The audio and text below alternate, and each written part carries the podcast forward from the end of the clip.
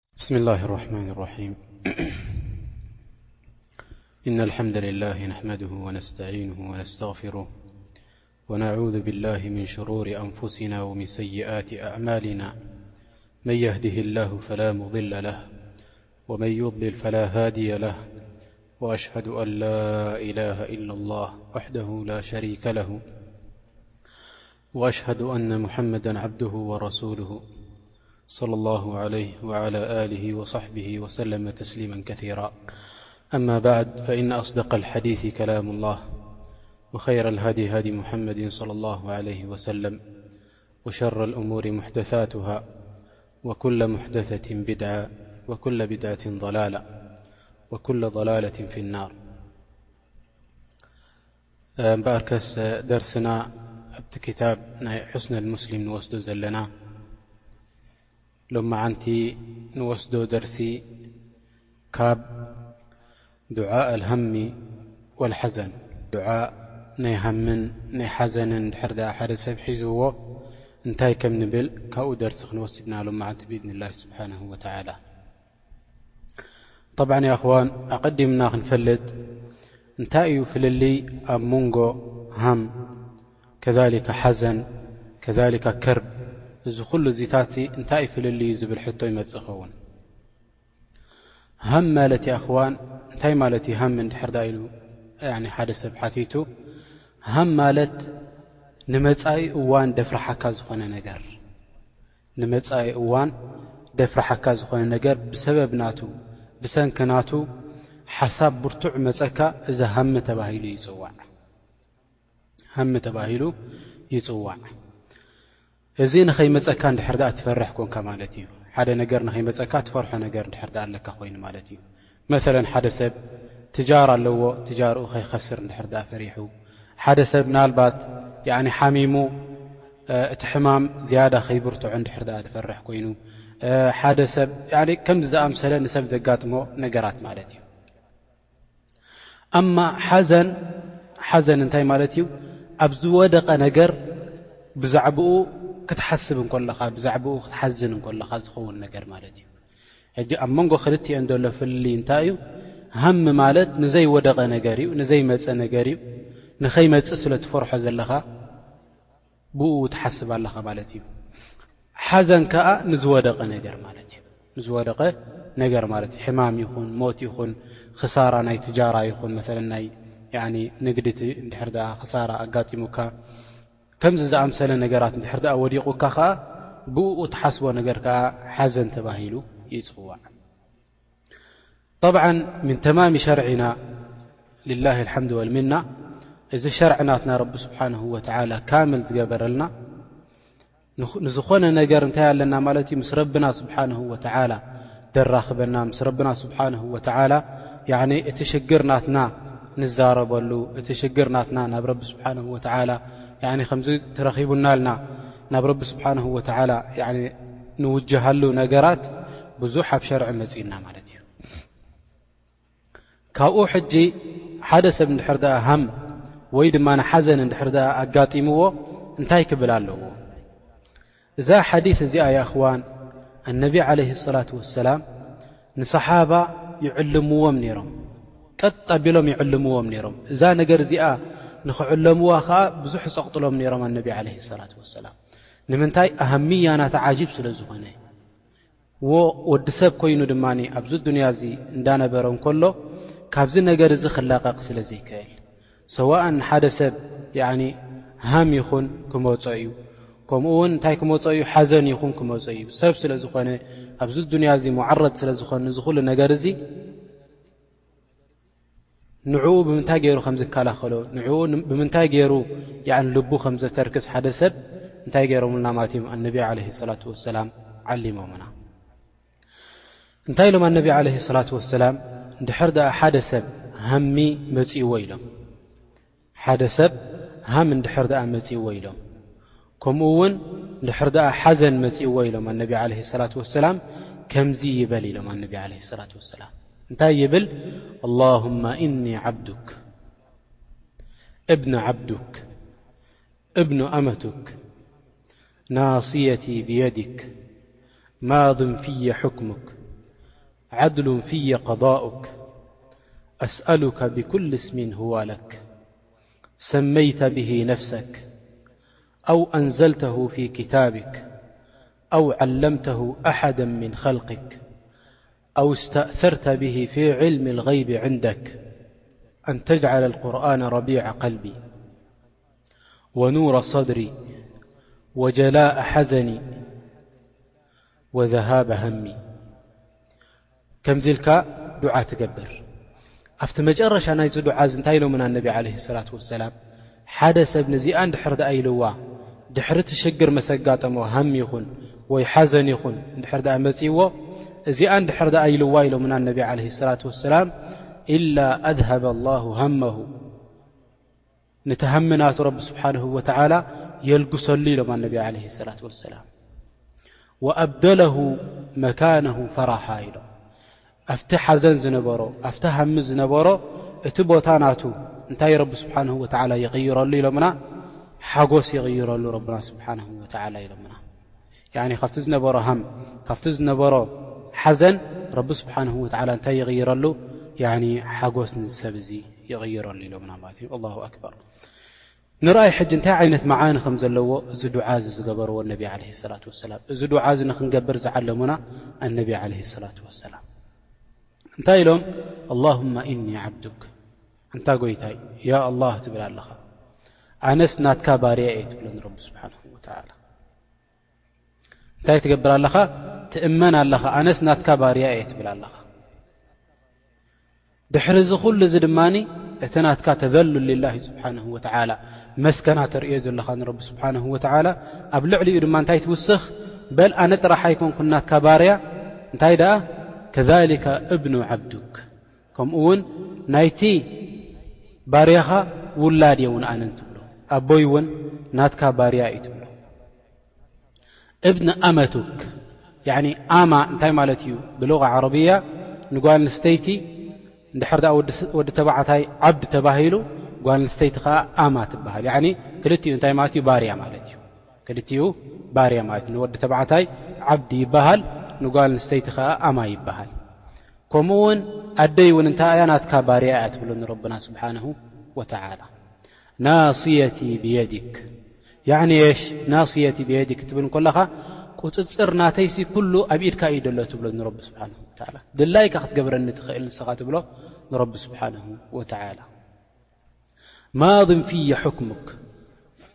እቲ ናትካ ፍርዲ ናባይ ከዋና እዩ ትብሎ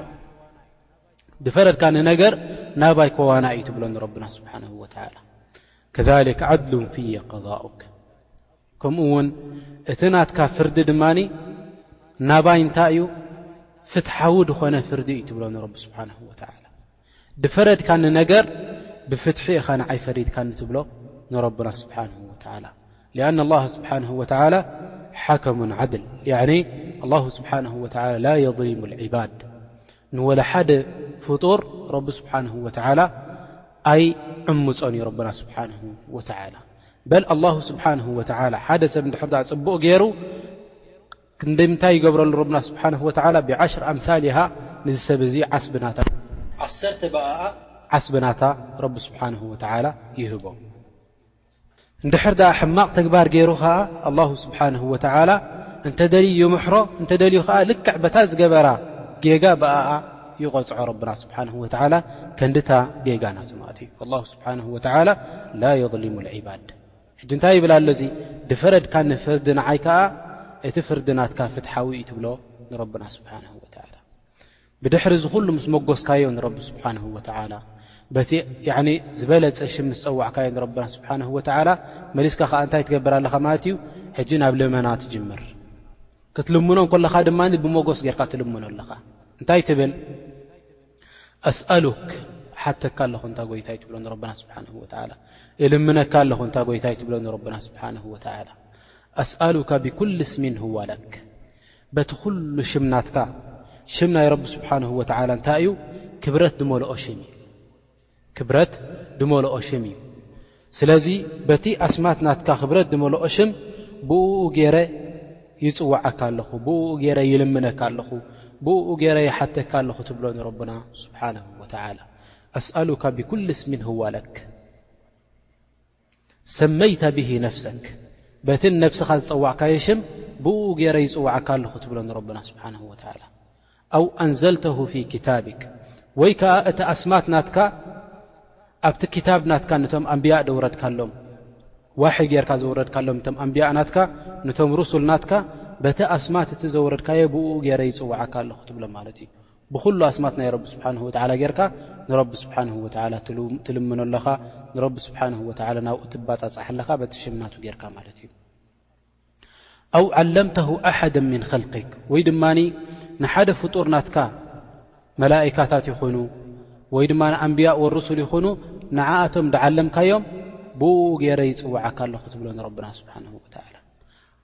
ኣው እስተእሰርተ ፊ ዕልሚ ልገይቢ ዕንደክ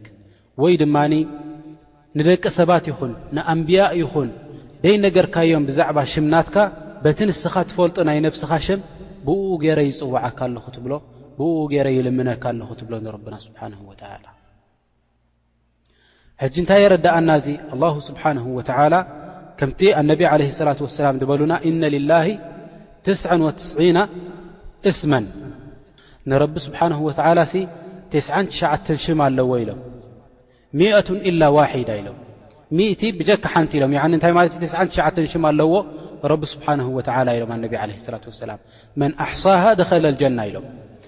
ሕጂ እንታይ ኢሎም ዑለማእ ቴስዓን ትሽዓተን ኣለዎ ክብሉ እንከለዉ ኣነቢ ዓለይሂ ሰላቱ ወሰላም ንረቢ ስብሓነሁ ወተዓላ ኣስማት እዚ እንታይ ማለት እዩ ኣብ ቁርኣን ደውረዶ ያዕኒ እቲ ንሕና ንፈልጦ ማለት እዩ ላኪን ረቢ ስብሓንሁ ወተዓላ ድፈልጦ ካልእ ኣስማት ኣለዎ ወይ ነቶም መላእካ ድሃቦም ወይ ድማ ኣብ ነብሱ ዝሓዞ ረብና ስብሓንሁ ወተዓላ ነቶም ፍጡራት ናቱ ዘይሃቦም ኣስማት ናቱ ማለት እዩ ስለዚ እንታይ ትብል ኣለኻ በዚ ኩሉ ኣስማት ናትካ እስኻ ትፈልጦ ገይረ ብእኡ ይጽውዓካ ኣለኹ ብእኡ ገይረ ናባኻ ይባጻጻሕ ኣለኹ ይልምነካ ኣለኹ ኣንታ ጎይታይ ትብሎ ንረብና ስብሓንሁ ወተዓላ እንታይ ንኽገብረልካ ኣንተጅዓለ ልቁርኣና ረቢዓ ቀልቢ እዚ ቁርን ሲ እዚ ዘውረድካዮ ከላም ናትካ እዚ ዘረባ ናትካ ዘውራድካልና ቁርን ኣልከሪም ንሱ እንታይ ግበሮ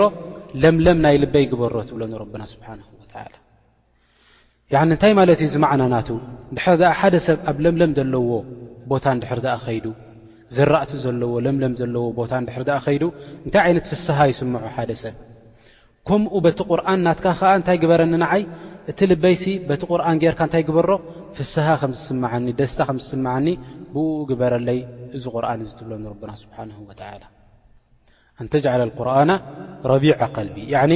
እዚ ቁርኣን እንታይ ግበረለይ ለምለም ግበረለይ ንዓይሲ ፍስሃ ከም ዝስምዓኒ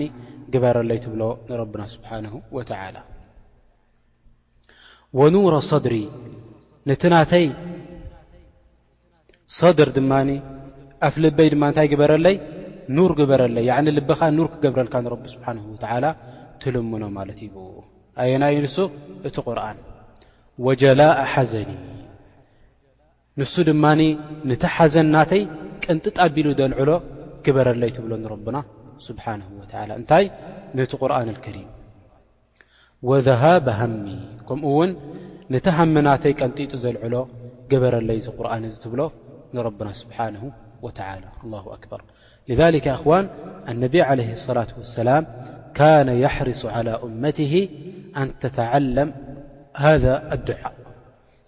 እዚ ዱዓ እዚ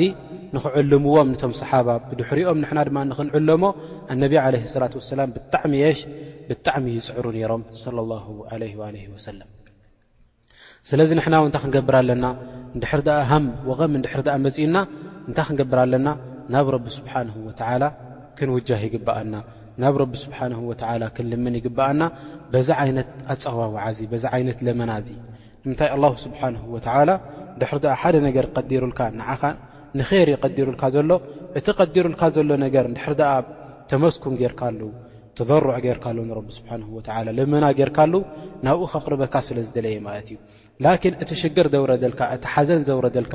ካብ ረቢ ስብሓንሁ ወተዓላ ድህድመካ ካብ ረቢ ስብሓንሁ ወተዓላ ደርሓቐካ ንድሕሪ ድኣ ኮይኑ እንታይ እዩ ማለት እዙ ንዓኻ ኸጠሩን ዓዚም እዙ እዚ ናይ ብሓቂ ኸጠር እዩ ንዓኻ ዘፍርሕ ነገር እዩ ንዓኻ እዚ ማለት እዩ ሊልኣስፍ ሸዲድ የእኽዋን ገለ ሰባት ኣለዉ ሃም እንድሕር ድኣ መጺእዎ ከምኡ ውን ሓዘን እንድሕር ድኣ መጺእዎ እንታይ ይኸውን ማለት እዩ ካብ ረቢ ስብሓንሁ ወተዓላ ይርሕቕ እዚ ሰብ እዚ ካብ ረቢ ስብሓንሁ ወተዓላ ይርሕቕ ጣብዓን እዚ እንታይ ማለት እዩ እዚ ክለት ልኢማን እዩ ضዕፍ ልኢማን ኢማን ናይዚ ሰብ እዚ ስለ ዝተሓተ እዩ ማለት እዩ ሓደ ሰብ መለ ድሕር ደኣ እቲ ንግዲ ናቱ ድሕር ደኣ ክሳራ ኣጋጢምዎ ድሕር ደኣ ውላዱ ሞይትዎ እንድሕር ደኣ ዝኾነ ዓይነት ናይ ኣዱንያ ነገር ክሳራ ድሕር ኣጋጢምዎ ስራሕ ድሕር ደኣ ወፅኡ ሰልዲ እንድሕር ደኣ ጠፊእዎ፣ ከምዚታት እንድሕር ደኣ ኣጋጢምዎ፣ ወይ እንድሕር ደኣ ኣብ ነብሱ ሓሚሙ፣ እንድሕር ደኣ ካብ ጣዓ ናይ ረቢ ስብሓንሁ ወተዓላ ካብቲ ዒባዳ ናይ ረቢ ስብሓንሁ ወተዓላ ዝርሕቕ እንድሕር ደኣ ኮይኑ፣ እዚ እንታይ እዩ ማለት እዩ? ኹዝላን ምን ላሂ ስብሓንሁ ወተላ ሊሃዛ ልዓብድ ንዚ ሰብ እዚ ረቢ ስብሓንሁ ወተዓላ ካብቲ ናቱ ራሕማ ኸርሕቆ ስለ ዝደለየ ኢዩ ድመስል ዘሎ ማለት እዩ። ንምንታይ ገለ ገለ ሰባት ንርኢ ስብሓና ላ ንስ ላ ስብሓን ወላ ዩንቢተና ላ ጣዕቲ ወላ የብተልየና ኢላ ብማ ነስተጢዕ ረቢ ስብሓን ወላ በቲ ንኽእሎ ክህበና ንረቢ ስብሓን ወላ ንልመኖ ገለ ሰባት እንታይ ትርኢ ማለት እዩ ንድሕር ድኣ ዝኾነ ዓይነት በላእ ወሪድዎ ሰላት ይገድፍ እንድሕር ሓሚሙ ሰላት ይገድፍ፣ ትጃራ እንድሕር ድኣ ከሲሩ ሰላት ይገድፍ፣ እንድሕር ድኣ ፍርሒ ዝኾነ ነገር ኣጋጢምዎ ሰላት ይገድፍ፣ ወይ ድማ ዝኾነ ዓይነት ካብ ዒባዳታት ነገር ይገድፍ። እንድሕር ድኣ ተዛሪብካዮ ንምንታይ ድዩ ትሰግድ እንድሕር ድኣ ኢልካ ንስኻ ሰላት ድዩ ተራእዩካ ሕጂ ኣነ ከመይ ኣለኹ ትርእየኒ ኣለኻ እንታይ ዓይነት ሕማም ኣጋጢሙኒ ኣሎ እንታይ ዓይነት ሽግር ኣጋጢሙኒ ኣሎ ሰላት ከነርክበሉ ኢና ፅባሕ ኮይኑ ሎሚ ኮይኑ ክንሰግዶ ኢና ላኪን ዘለኒ ሽግር ክትርእይ ኣለካ ይብለካ ማለት እዩ።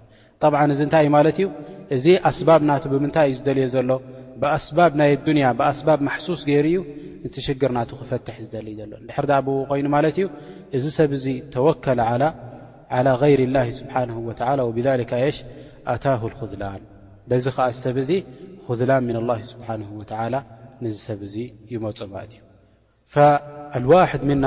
ዝኾነ ዓይነት በላእ ከጋጥሞ እንከሎ ከምዚ ገይሩ ናብ ረቢ ስብሓን ወተዓላ ክቐርብ ይግባእ ከምዚ ገይሩ ናብ ረቢ ስብሓን ወተዓላ ክልምን ይግባእ ምእንቲ ረብና ስብሓን ወተዓላ የሽ ምእንቲ ክርሕሞ ንዚ ሰብ እዙ ወ እቲ በላእ ደውረደሉ እቲ ሃም እቲ ሓዘን ደውረደሉ ከዓ ምእንታይ እንታይ ክኾኖ ምእንቲ ርፍዐት ደረጃት ናቱ ኣብ ዮም ኣልክያማ ደረጃት ናቱ ሓፍ ከብለሉ ምእንቲ መቕፊራ ናይ ዘንቢ ናቱ ምእንቲ ክኾነሉ እንታይ ክገብር ኣለዎ ሰብ እዙ ክፅዕር ይግባእ ብከምዚ ዓይነት ዒባዳ ገይሩ ከምኡ ውን ካብቲ ዓይነት ናይ ዱዓ እንታይ ኣለና ከምዚ ድሕር ኣጋጢሙና ውን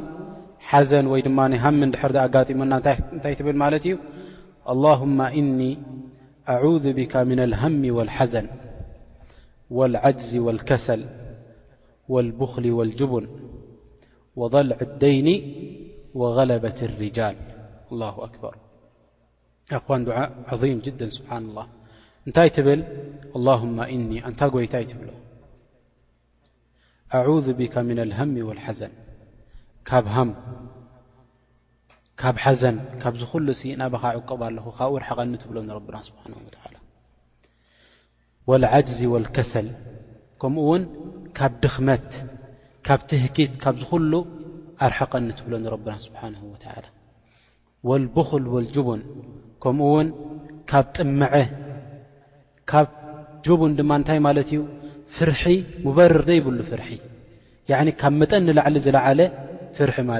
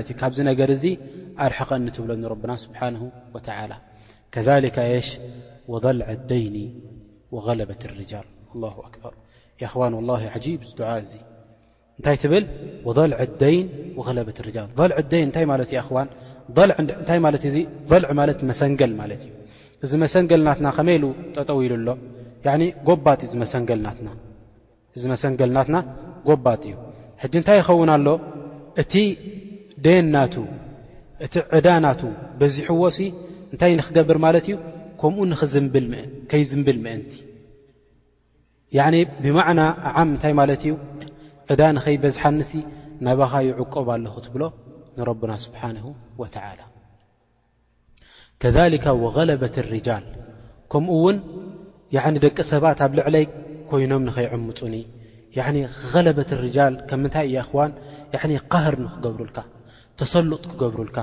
ያኒ ሓደ ሰብ ኣብ ልዕሌኻ ሙተሰልጥ ክኸውን ንሱ ይእዝዘካ ንሱ ያኒ ጠጠው በል ይብለካ ኮፍ በል ይብለካ ንዓ ኪድ ይብለካ ምጻእ ይብለካ ኣብ ትሕቲኡ ንኽትከውን ኣብ ትሕቲ ሱልጣናቱ ንኽትኣቱ ማለት እዩ ከምዚ የጋጥም እዩ ያኒ ሓደ ሰብ መሰለን ያኒ ዝኾነ ነገር ገንዘብ ይእውደካ ወይ ድማ ኣብ ትሕቲኡ ኮንካ ንስኻ ትሰርሕ እንታይ ገብረካ ዝሰብ እዚ ማለት እዩ ጸጸኒሑ እንታይ ገብረካ ንዓኻ ያኒ ተሰሉጥ ይገብረልካ ዝሰብ እዚ ማለት እዩ ፈ ከምዚ ንኸየጋጥመካ እንታይ ትገብር? ከምዚ ንኸየጋጥመካ ናብ ረቢ ስብሓነሁ ወተዓላ ዑቕባ ትሓትት። ናብ ረቢ ስብሓነሁ ወተዓላ ዑቕባ ትሓትት። ጠይብ ከዛሊካ እንታይ ኣለና ዱዓእ ኣልከርብ ዱዓእ ኣልከርብ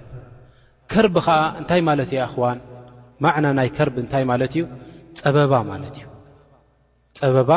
ምስኡ እንታይ ተሓወሶ ምስኡ ያዕኒ ሃም ተሓወሶ ማለት እዩ ሓደ ሰብ እንድሕር ድኣ ኣብ ጸበባ ወዲቑ ኣብቲ ጸበባ እንከሎ እንታይ ኣለዎ ማለት እዩ ብርቱዕ ሓሳብ ኣለዎ እንድሕር ድኣ ኣብ ከምዚ ወዲቑ ሓደ ሰብከ እንታይ ይገብር ከመይ ገይሩ ንረቢ ስብሓንሁ ወተዓላ ይልምን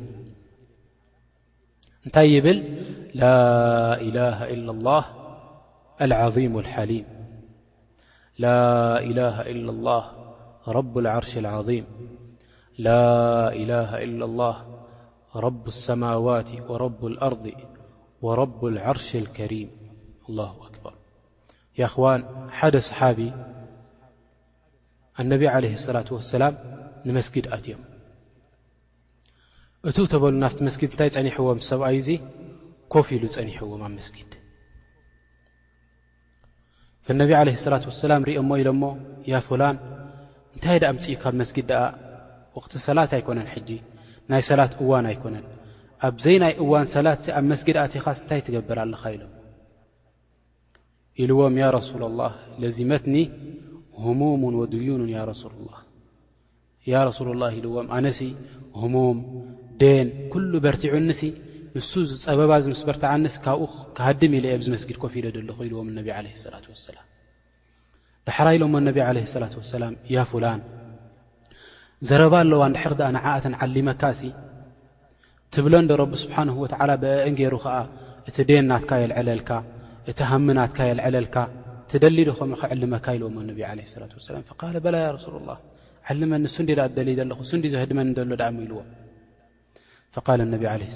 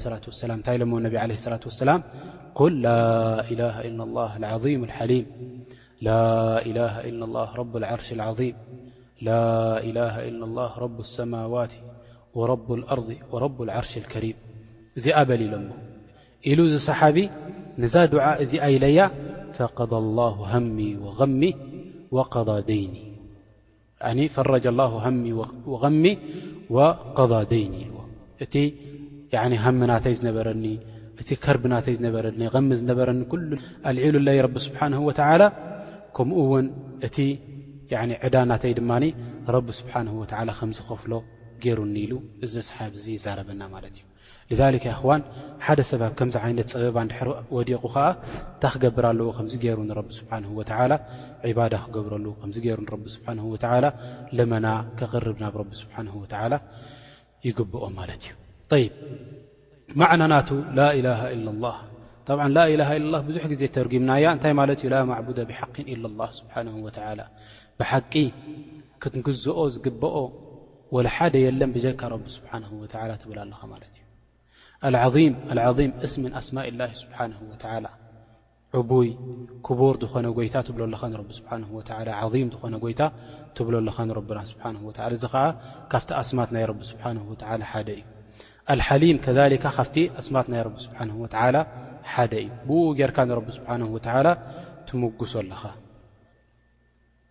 ላኢላሃ ኢላ ላህ ረብ ዓርሽ ዓዚም ከምኡ ውን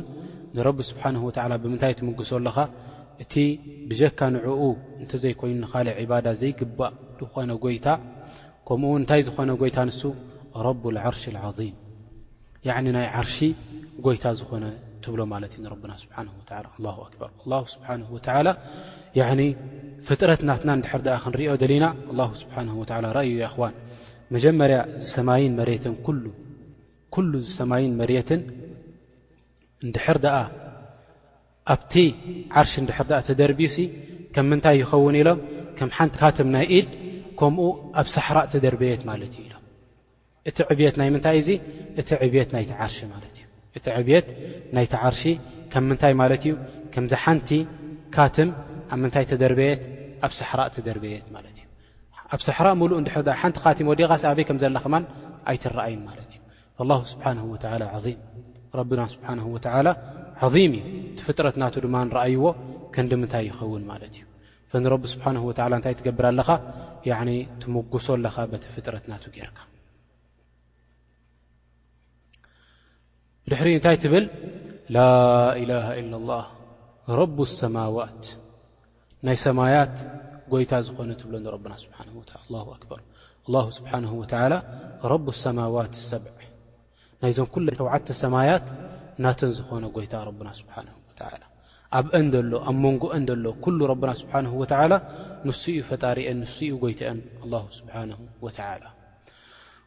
ወረቡ ኣልኣርዲ ከምኡ ውን ናይ ምንታይ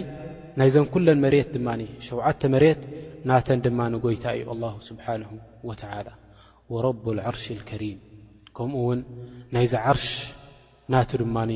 ጎይታ ዝኾነ እዩ ትብሎ ንረብና ስብሓንሁ ወተዓላ እንታይ ማለት እዩ እዚ ኩሉ እዚ ሕጂ በዚ ጌርካ ንረቢ ስብሓንሁ ወተዓላ ትምጉሶ ኣለኻ እንታይ ግበረኒ ካብቲ ዘለኒ ሃሚ ካብቲ ዘለኒ ደይኒ ካብቲ ዘለኒ ያዕኒ ከርብ ካብኡ ኣውጽኣኒ ኢልካ ንረብና ስብሓንሁ ወተዓላ ትልምኖ ኣለኻ ማለት እዩ እዚ ኩሉ መጎስ እዚ እንታይ እዩ መዓና ናቱ ካብቲ ጸበባ ናተይ ኣውጽኣኒ ኢልካ ንረብና ስብሓንሁ ወተዓላ ትልምኖ ኣለኻ ማለት እዩ እዩከካ ኣእ እንታይ ኣለና اللهم رحمتكأراللهم رحمتك أرجو فلا تكلني إلى نفسي طرفة عين وأصلحلي شأني كله لا إله إلا أنت الله أكبر نتي تبل اللهم رحمتك أرجوأنت يتي أنا تسفىنت أفتنتك رحمة ي تبلن ربنا سبحانه ተስፋ ናተይ ኣብቲ ናትካ ራሕማ እዩ ትብሎ ንረብና ስብሓን ወላ ኣብቲ ናትካ ርህራሀ እዩ ትብሎ ንረብና ስብሓን ወላ ፈላ ተኪልኒ ኢላ ነፍሲ ጠርፈት ዓይን ናብ ነፍሰይሲ ወላ ከንዲ ቋሕሰም ትብል ከንዲ ቋሕሰም ናይ ዓይኒ ከንድኡ ትኸውን እውን ናብ ነፍሰይ ኣይትፀጋዓኒ ትብሎ ንረብና ስብሓን ወላ ኣላ ኣክበር ሓደ ሰብ እንድሕር ደኣ ናብ ነብሱ እዕቲማድ ኣለዎ ኮይኑ ኣነ ስራሕ ኣለኒ እንድዩ ኣነ ምሁር እንዴ ኣነ ዶክተር በጺሐ ኣነ ያኒ ናይ ኮምብዩተር ፍልጠት ደለኒ ኣነ ናይ ከምዚ ፍልጠት ደለኒ ያኒ ሰሪሐ ክበልዕ ድኸእል ሰብ እኳ እየ ኣነ ኩሉ እንታይ ይኸውን ማለት እዩ እዕቲማድ ናቱ ካምል ናብ ምንታይ ይኸውን ናብ ነብሱ ይኸውን ከምዚ እንድሕር ደኣ ኮይኑ ሓደ ሰብ እዚ እንታይ እዩ ኮይኑ ዘሎ ማለት እዩ ኹዚለ ምን ነፍስሂ ካብ ነብሱ ያኒ ብነብሱ እዩ ድወድቕ ዘሎ ሰብ እዚ ማለት እዩ ንምንታይ ፈኢነ ላ ስብሓን ወተላ ህወ ረዛቅ ኣላ ስብሓን ወላ ንሱ እዩ ረዛቅ ንሱ እዩ ዝህብ ንሱ እዩ ዝኸልእ ንሱ እዩ ኩሉ ነገር ትገብር ኣላ ስብሓን ወተላ ንስኻ እንታይ ክትገብር ኣለካ ኣስባብ ትገብር ላኪን ሙሰብብ ኣስባብ ከምኡ ውን ብዘይ ሰበብ ድህብ ፈጣሪ መን እዩ ኣላ ስብሓን ወላ እዩ ል ኣዕትማድ ዓለ ነፍስ ናብ ነብስኻ ኣዕትማድ ካምል ንምግባር ንረቢ ስብሓነሁ ወተዓላ ገዲፍካ እዚ እንታይ እዩ ማለት እዩ እዚ ኹዝላን ልኢንሳን ማለት እዩ እዚ ንቲ ሰብ ናብ ፀበባ ነብሱ ምውዳቕ ማለት እዩ ፈንታይ ትብል ንስኻ ናብ ነብሰይሲ ዋላ ክንዲ ቋሕ ሰም ትብል ዓይነይ ናብኣ ኣይትፀጋዓኒ ኢልካ ንረብና ስብሓንሁ ወተዓላ ትልምኖ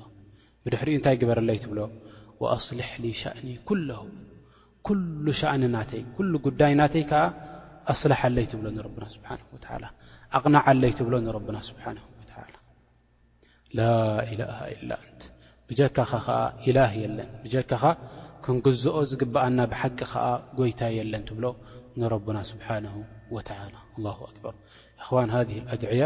ኣድዕያ ዓዚማ ጅደን ያኒ ኩላትና እንታይ ክንገብር ኣለና ያኒ ክንሓፍዞ ግበኣና ከምኡ ውን ኣብቲ ዝወረደልና ዝወረደና እዋን ከምዚ ዘጋጠመና እዋን እንታይ ክንገብር ኣለና ኩሉ ሻዕ ንዚ ነገር እዚ እንድሕር ድኣ ጌርናዮ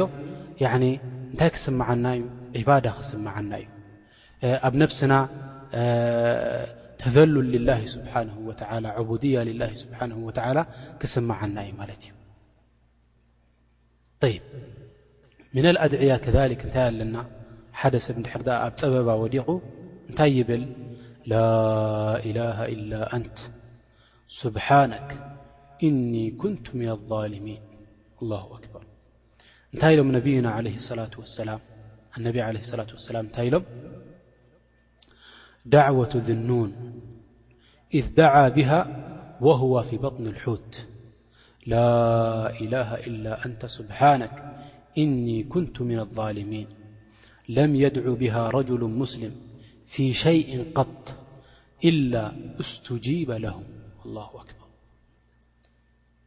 እንታይ ኢሎም ኣነቢ ዓለ ሰላት ወሰላም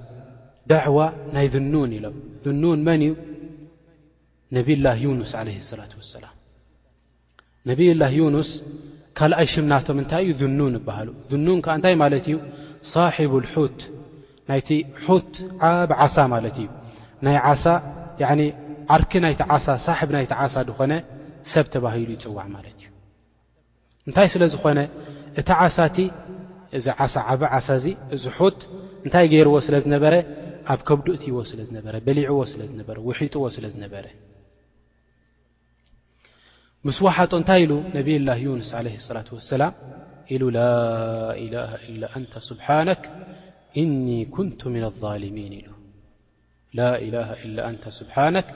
እኒ ኩንቱ ምና ظልሚን ኢሉ فالله سبحانه وتعالى نتي رل فرج جرل ربنا سبحانه وتعالى فذنون عليه الصلاة واسلام أب بحر مسأتو مس درب ي نفت بحر فالتقمه الحت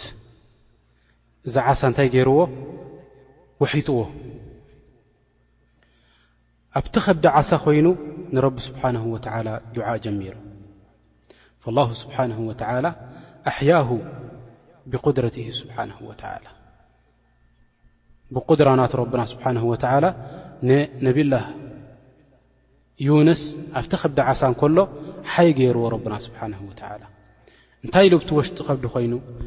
ፊ ሰላስ ዙሉማት ያ እኽዋን። ظሉማት ثላث ኢሉ ረብና ስብሓንሁ ወተዓላ ሰለስተ ጸልማት ኣወለን ህዋ ፊ ከብዲ ልሑት ኣወለን ኣብ ከብዲ ናይ ምንታይ ኣሎ ኣብ ከብዲ ናይ ተዓሳ ኣሎ ብድሕሪኸ ብድሕሪ ናይ ከብዲ ዓሳ ظሉማት ልባሕር ከምኡ ውን ናይ ባሕሪ ጸልማት ኣብ ትሕቲ እዩ ኣትዩ ደሎ ሊኣኑ ትሑት ውሽጢ እዩ ደኣቱ ዓብዪ እዩ ከዛሊካ የሽ ዙልመት ለይል ከምኡ ውን ፀላም ናይ ለይቲ ድማ ኣብዚ ሰለስተ ፀላም እዚ ኮይኑ እንታይ ገይሩ ማለት እዩ ንረቢ ስብሓን ወተላ በዚ ቃል እዚ ተወሱል ገይሩ እንታይ ኢሉ ላኢላሃ ኢላ ኣንተ ስብሓነክ እኒ ኩንቱ ምን ኣልሚን ኣንታ ጎይታይ ኣነን ነብሰይ ዓሚፀ እየ መሓረኒ ኢሉ ንረብና ስብሓን ወተላ ዳዕዋ ገይረሉ ላሁ ስብሓን ወተላ ኣንጃሁ ረቢ ስብሓን ወተላ ካብዚ ፀበባ እዚ ንዚ ዓሳ እንታይ ገይርዎ ረብና ስብሓን ወተላ ከም ዘውፅኦ ገይርዎ ካብ ከብዱ ቱፍ ኢሉ ናብ ምንታይ ገይርዎ ማለት እዩ ናብቲ ገምገም ባሕሪ ከም ዘውፅኦ ገይርዎ ማለት እዩ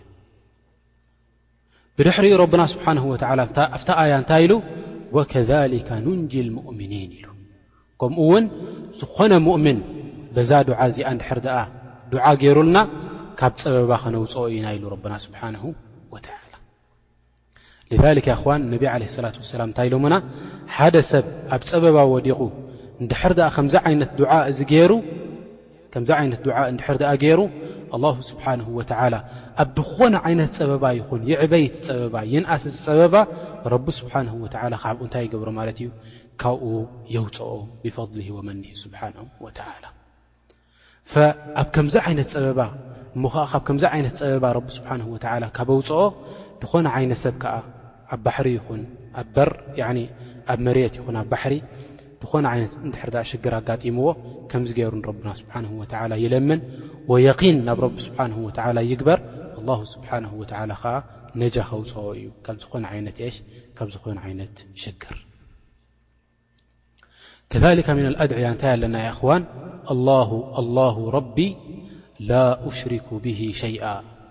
ኣላሁ ኣላሁ ረቢ ላ ሽሪኩ ብሂ ሸይኣ ያዕኒ እንታይ ይብል ኣሎ ማለት እዩ ንሱ እዩ ያ ኣላ ያ ኣላ ትብል ኣለኻ ማለት እዩ ያ ኣላ ያ ኣላ እንታ ጎይታ እያ እንታ ጎይታ ኢልካ ንረቢ ስብሓን ወተዓላ ትልመኖ ኣለኻ ማለት እዩ ኣነ ኸኣ ብኣኻ ወላ ሓንቲ ሽርክ ቅንጣብ ትኸውን ሽርኪ ኣይገብርን እየ ብኣኻ እንታይ ግበረኒ ካብዚ ዘለኽዎ ጸበባ ኣውጽኣኒ ኢልካ ንረቢ ስብሓን ወተዓላ ትልምኑ ኣለኻ ማለት እዩ ላሁ ስብሓን ወተዓላ ዩሕቡ መን የምድሐሁ ረቢ ስብሓን ወተዓላ ድምጉሶ ረቢ ስብሓን ወተዓላ ያዕኒ ዘልዑል ገይሩ ዝጽውዖ ሰብ ይፈቱ ረብና ስብሓን ወተዓላ ኣልዒሉ ዝጽውዖ ሰብ ረብና ስብሓነሁ ወተዓላ ይፈቱ። ሊዛሊክ እንታይ ክንገብር ኣለና? ዝኾነ ዓይነት ዱዓ ክንገብር እንከለና ንረቢ ስብሓነሁ ወተዓላ ብምንታይ ክንገብር ኣለና ማለት እዩ? መጀመርያ ክንምጉሶ ኣለና ከምዚ ዝረኣናዮ ኩሉ ማለት እዩ። ክንምጉሶ ኣለና ዝኾነ ዓይነት ጸበባ ወሪዱካ፣ ዝኾነ ዓይነት ሽግር ወሪዱካ፣ ሃም ወገም ያዕኒ ዝኾነ ዓይነት ሕማም ከምዚ ኣጋጢሙካ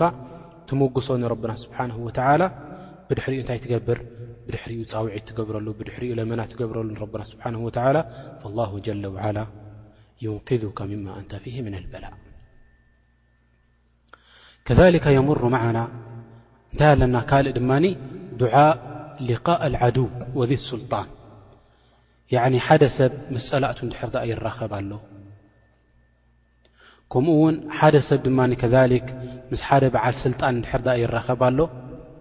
ከመይ ገይሩ ምስኡ ይራኸብ ያኒ ፀላኢኻ እንድሕር ዳኣ ኮይኑ የፍርሓካ እዩ ንዓኻ ከይጎድኣካ ከሊክ ኣብ በዓል ስልጣን እንድሕር ዳኣ ኮይኑ ከሊክ እንታይ ኣለዎ ንሱ ስልጣን ኣለዎ ንዓኻ ክጎድኣካ ዝኽእለሉ ስልጣን ማለት እዩ ስለዚ ንኸይጎድኣካ እንታይ ኢልካ ድዓ ትገብር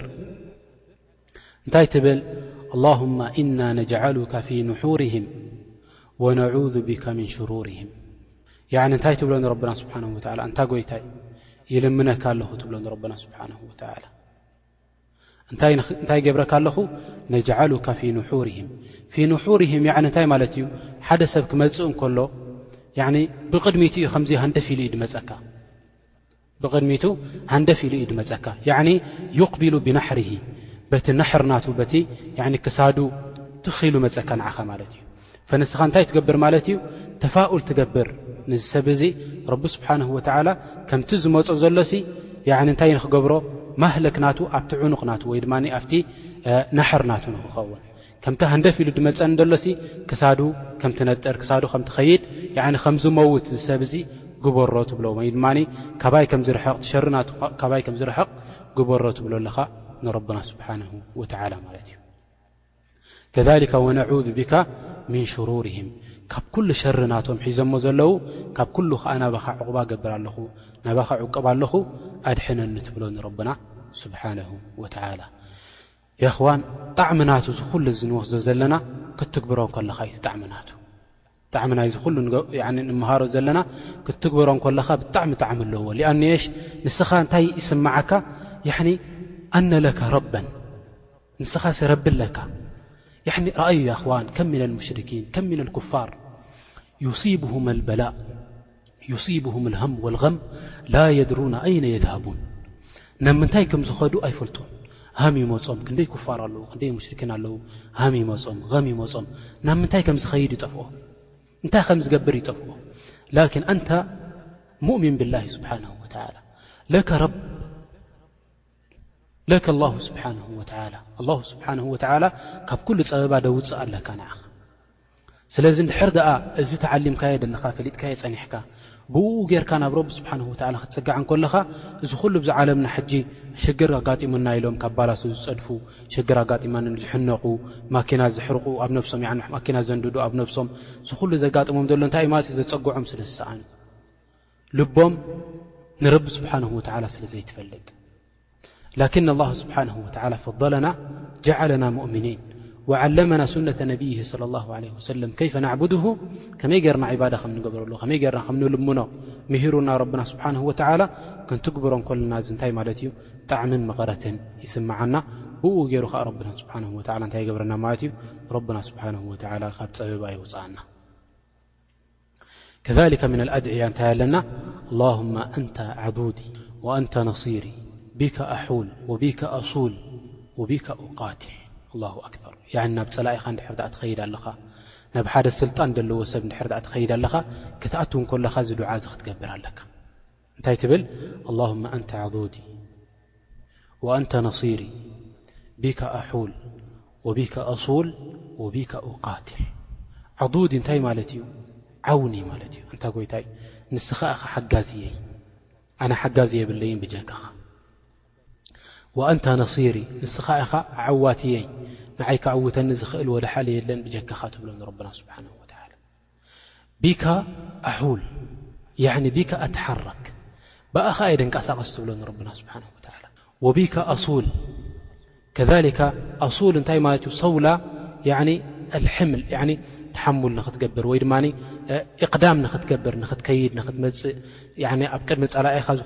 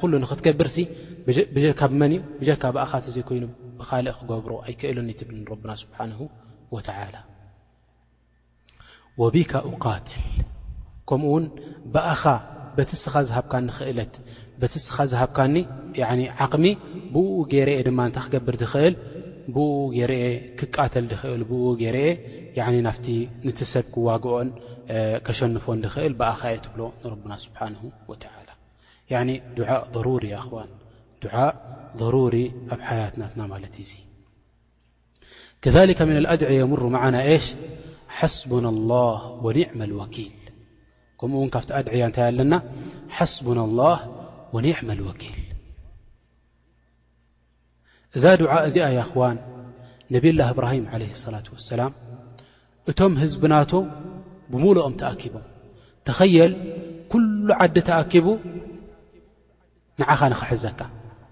ሒዞም እዞም ኩሎም ዓዲ ኸዓ እንታይ ክገብሩ ሒዞም ናብ ሓዊ ክድርብዩኻ ብጀካ ንስኻ ካልእ ወላ ሓደ የብልካን ኒ ንዓኻስ ጎኒ የብልካን ንዓኻ ሓጋዚ ወላ ሓደ የብልካን ፈነብይ ላ እብራሂም ዓለ ሰላት ወሰላም ወላ ሓደ ኣይነበሮምን ብጀካ ኣላሁ ስብሓን ወተላ ወህወ ንዕሚ ነሲር ፈእንታይ ገይሮም እዞም ህዝብናቶም ኩሎም ተኣኪቦም እንታይ ገይሮምሎም መንጀኒቕ ገይሮምሎም መንጀኒቕ ገይሮምሎ መንጀኒቕ እንታይ እዮም ድብልዎ መፈንጠር እያ ኣብኡ ይገብርዎም ዳሕራይ ብኡ ገይሮም እንታይ ይገብርዎም ይድርብይዎም ማለት እዮም ሕጂ ኣብዚ መንጀኒቕ ገይሮም ናብ ምንታይ ክገብርዎም ይብሉ እቲ ሓዊ ተኣከበ እቲ ዕንጨት ተኣከበ ከንዲ ምንታይ ኮይኑ ማለት እዩ ከንዲ ጀበል ኮይኑ ማለት እዩ ንላዕሊ ሓፍ ድበለ ላዕሊ ዝኾነ ዕንጨት ኣኪቦም ንዕኡ እንታይ ገይሮሞ ንዕኡ ንኽእክቡ ክንደይ ግዜ እዩ ወሲድሎም ንዕኡ ምስ ኣከቡ ሓዊ ወሊዖሞ ቃልቃል ምስ በለ ንሱ እንታይ ገይሮሞ መንጀኒቕ ገይሮም ደርብዮሞም ንነብላ እብራሂም ዓለ ሰላት ወሰላም ናብኡ ክኸዱ እንከለዉ በቲ መንጀኒቕ ደርብዮሞም ነጢሮም ናብኡ ገጾም ክኸዱ እንከለዉ ናብቲ ሓዊ እንታይ ኢሎም ማለት እዮም ነብላ እብራሂም ዓለ ሰላት ወሰላም ሓስቡና ላህ ወኒዕም ልወኪል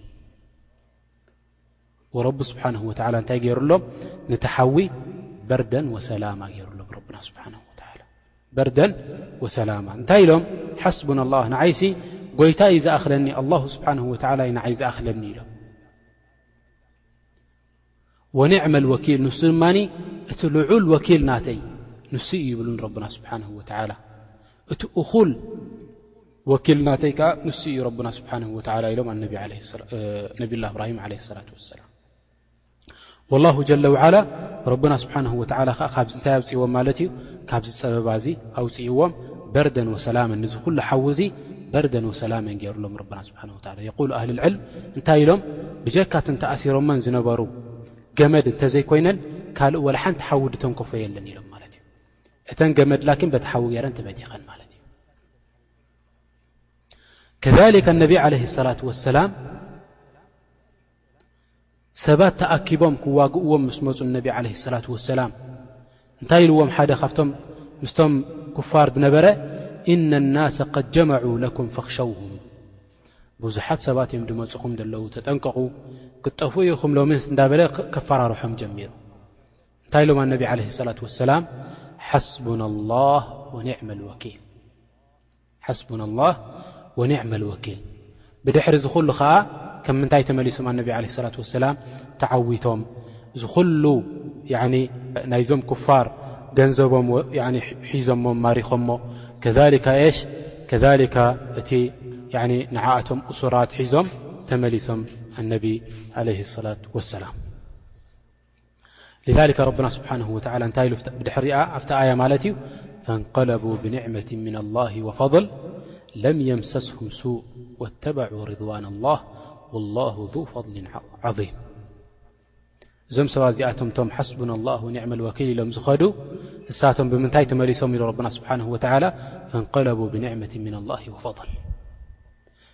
በቲ ፈድል ናይ ረቢ ስብሓነሁ ወተዓላ በቲ ኒዕማ ናይ ረቢ ስብሓነሁ ወተዓላ እዚ ኩሉ ሒዞም ተመሊሶም እዞም ሰባት እዚኣቶም። ንምንታይ? ያዕኒ ተወኩል ናብ መን ስለ ዝገበሩ? ተወኩል ናብ ረቢ ስብሓነሁ ወተዓላ ስለ ዝገበሩ። ከዛሊከ ያ እኽዋን ለዓሊ በዚ ሙናሰባ ገይረ ንእሽተይ ቅሳ ክቕስስ እየ ላኪን ባዕዳ ሃዚህ ኣድዕያ እንሻ ኣላህ። كذلك يمر معن من الأድعية دعء من خاف ظلم السلطان س بعل سلጣن يعمፀك يዘلم فርح كن ታ ل دع تقبر دع ብرሉ ل اللهم رب السموات السب ورب العرش العظيم كل جارا من فلان بن فلان ك كل و كل تبل ل وأحزابه من خلائقك أن يفرط علي أحد منهم أو يطغى عز جارك وجل ثناؤك ولا إله إلا أنت الله أكبر نتي تبل اللهم رب السماوات سبع أنت ن ن كل سماوات اسبع نتن يت زنك تبلنربنا سبحانه وتعال ወረብ ዓርሽ ዓም ከምኡ ውን ናይዚ ዓርሽ ጎይታ ዝኾንካ ትብሎ ንረብና ስብሓን ወተላ ኩሊ ጃረን ኣይ ሙጂረን ወሙዒነን ሓጋ ዝኾነኒ መፀግዒ ኾነኒ ትብሎ ንረብና ስብሓን ወተላ ምን ፉላን እብኒ ፉላን እከለ ወዲ እከለ ንኸይዕምፀኒ እከለ ወዲ እከለ ከምዚ ንኸይገብርኒ ትብሎ ማለት እዩ ንትሰብ ብሽሙ እንዳጠቐስካ ወኣሕዛብሁ ከምኡ ውን እቶም ኣሕዛብ ናቱ እቶም ሓሻኽር ናቱ እቶም ምስኡ ዘለዉ ሰባት ውን እዚኦም ኩሎም እዚኣቶም እኮ ትብል ምን ኸላኢክ ካብ ፍጡራት ናትካ እዮም ኩሎም እዚኣቶም ኣብ ትሕቲ ሙልክ ናትካ እዮም ትብሎ ንረብና ስብሓን ወላ እንታይ ንኸይገብሩኒ ኣን የፍርጣ ዓለያ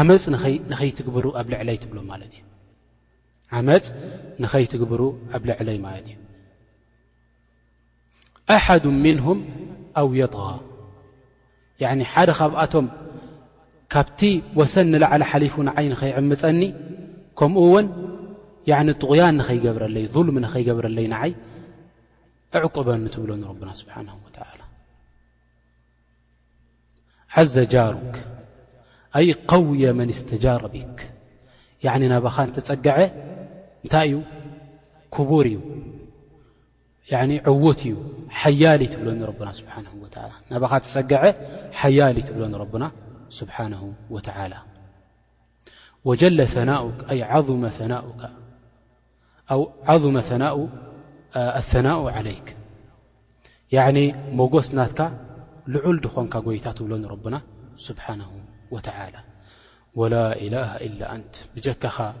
ብሓቂ ክንግዝኦ ዝግባእ ወላ ሓደ የለን ብጀካ ንስኻ ትብሎ ንረብና ስብሓነሁ ወተዓላ እዚ ኩሉ እዚ ንረቢ ስብሓነሁ ወተዓላ በዚ ዱዓ እዚ ክትገብረሉ ከለኻ ኣላሁ ጀለ ፊዑላ እንታይ ይገብረካ ማለት እዩ ካብዞም ፀላእትናትካ የልግሰካ የላቐቐካ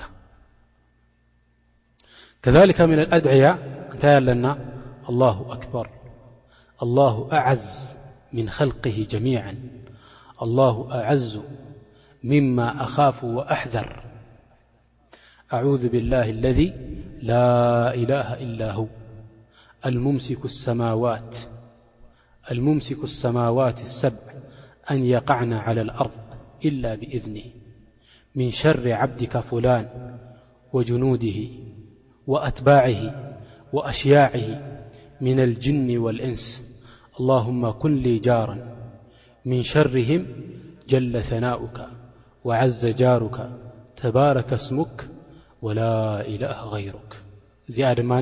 ሰለስተ ግዜ ትብላ። እዛ ዱዓ እዚኣ ሰለስተ ግዜ ትብላ። ከምዚኣ እንድሕር ደኣ ኢልካያ ረቢ ስብሓነሁ ወተዓላ ካብቲ ጸላእቲ ናትካ የላቕቐካን ያዕኒ የዕውተካን። እንታይ ትብል ኣለኻ ኣላሁ ኣክበር ያዕኒ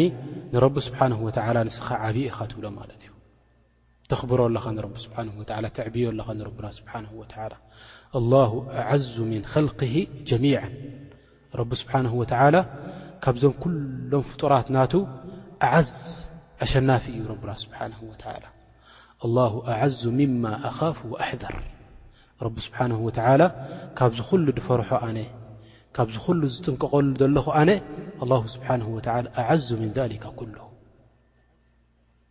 أعوذ بالله الذي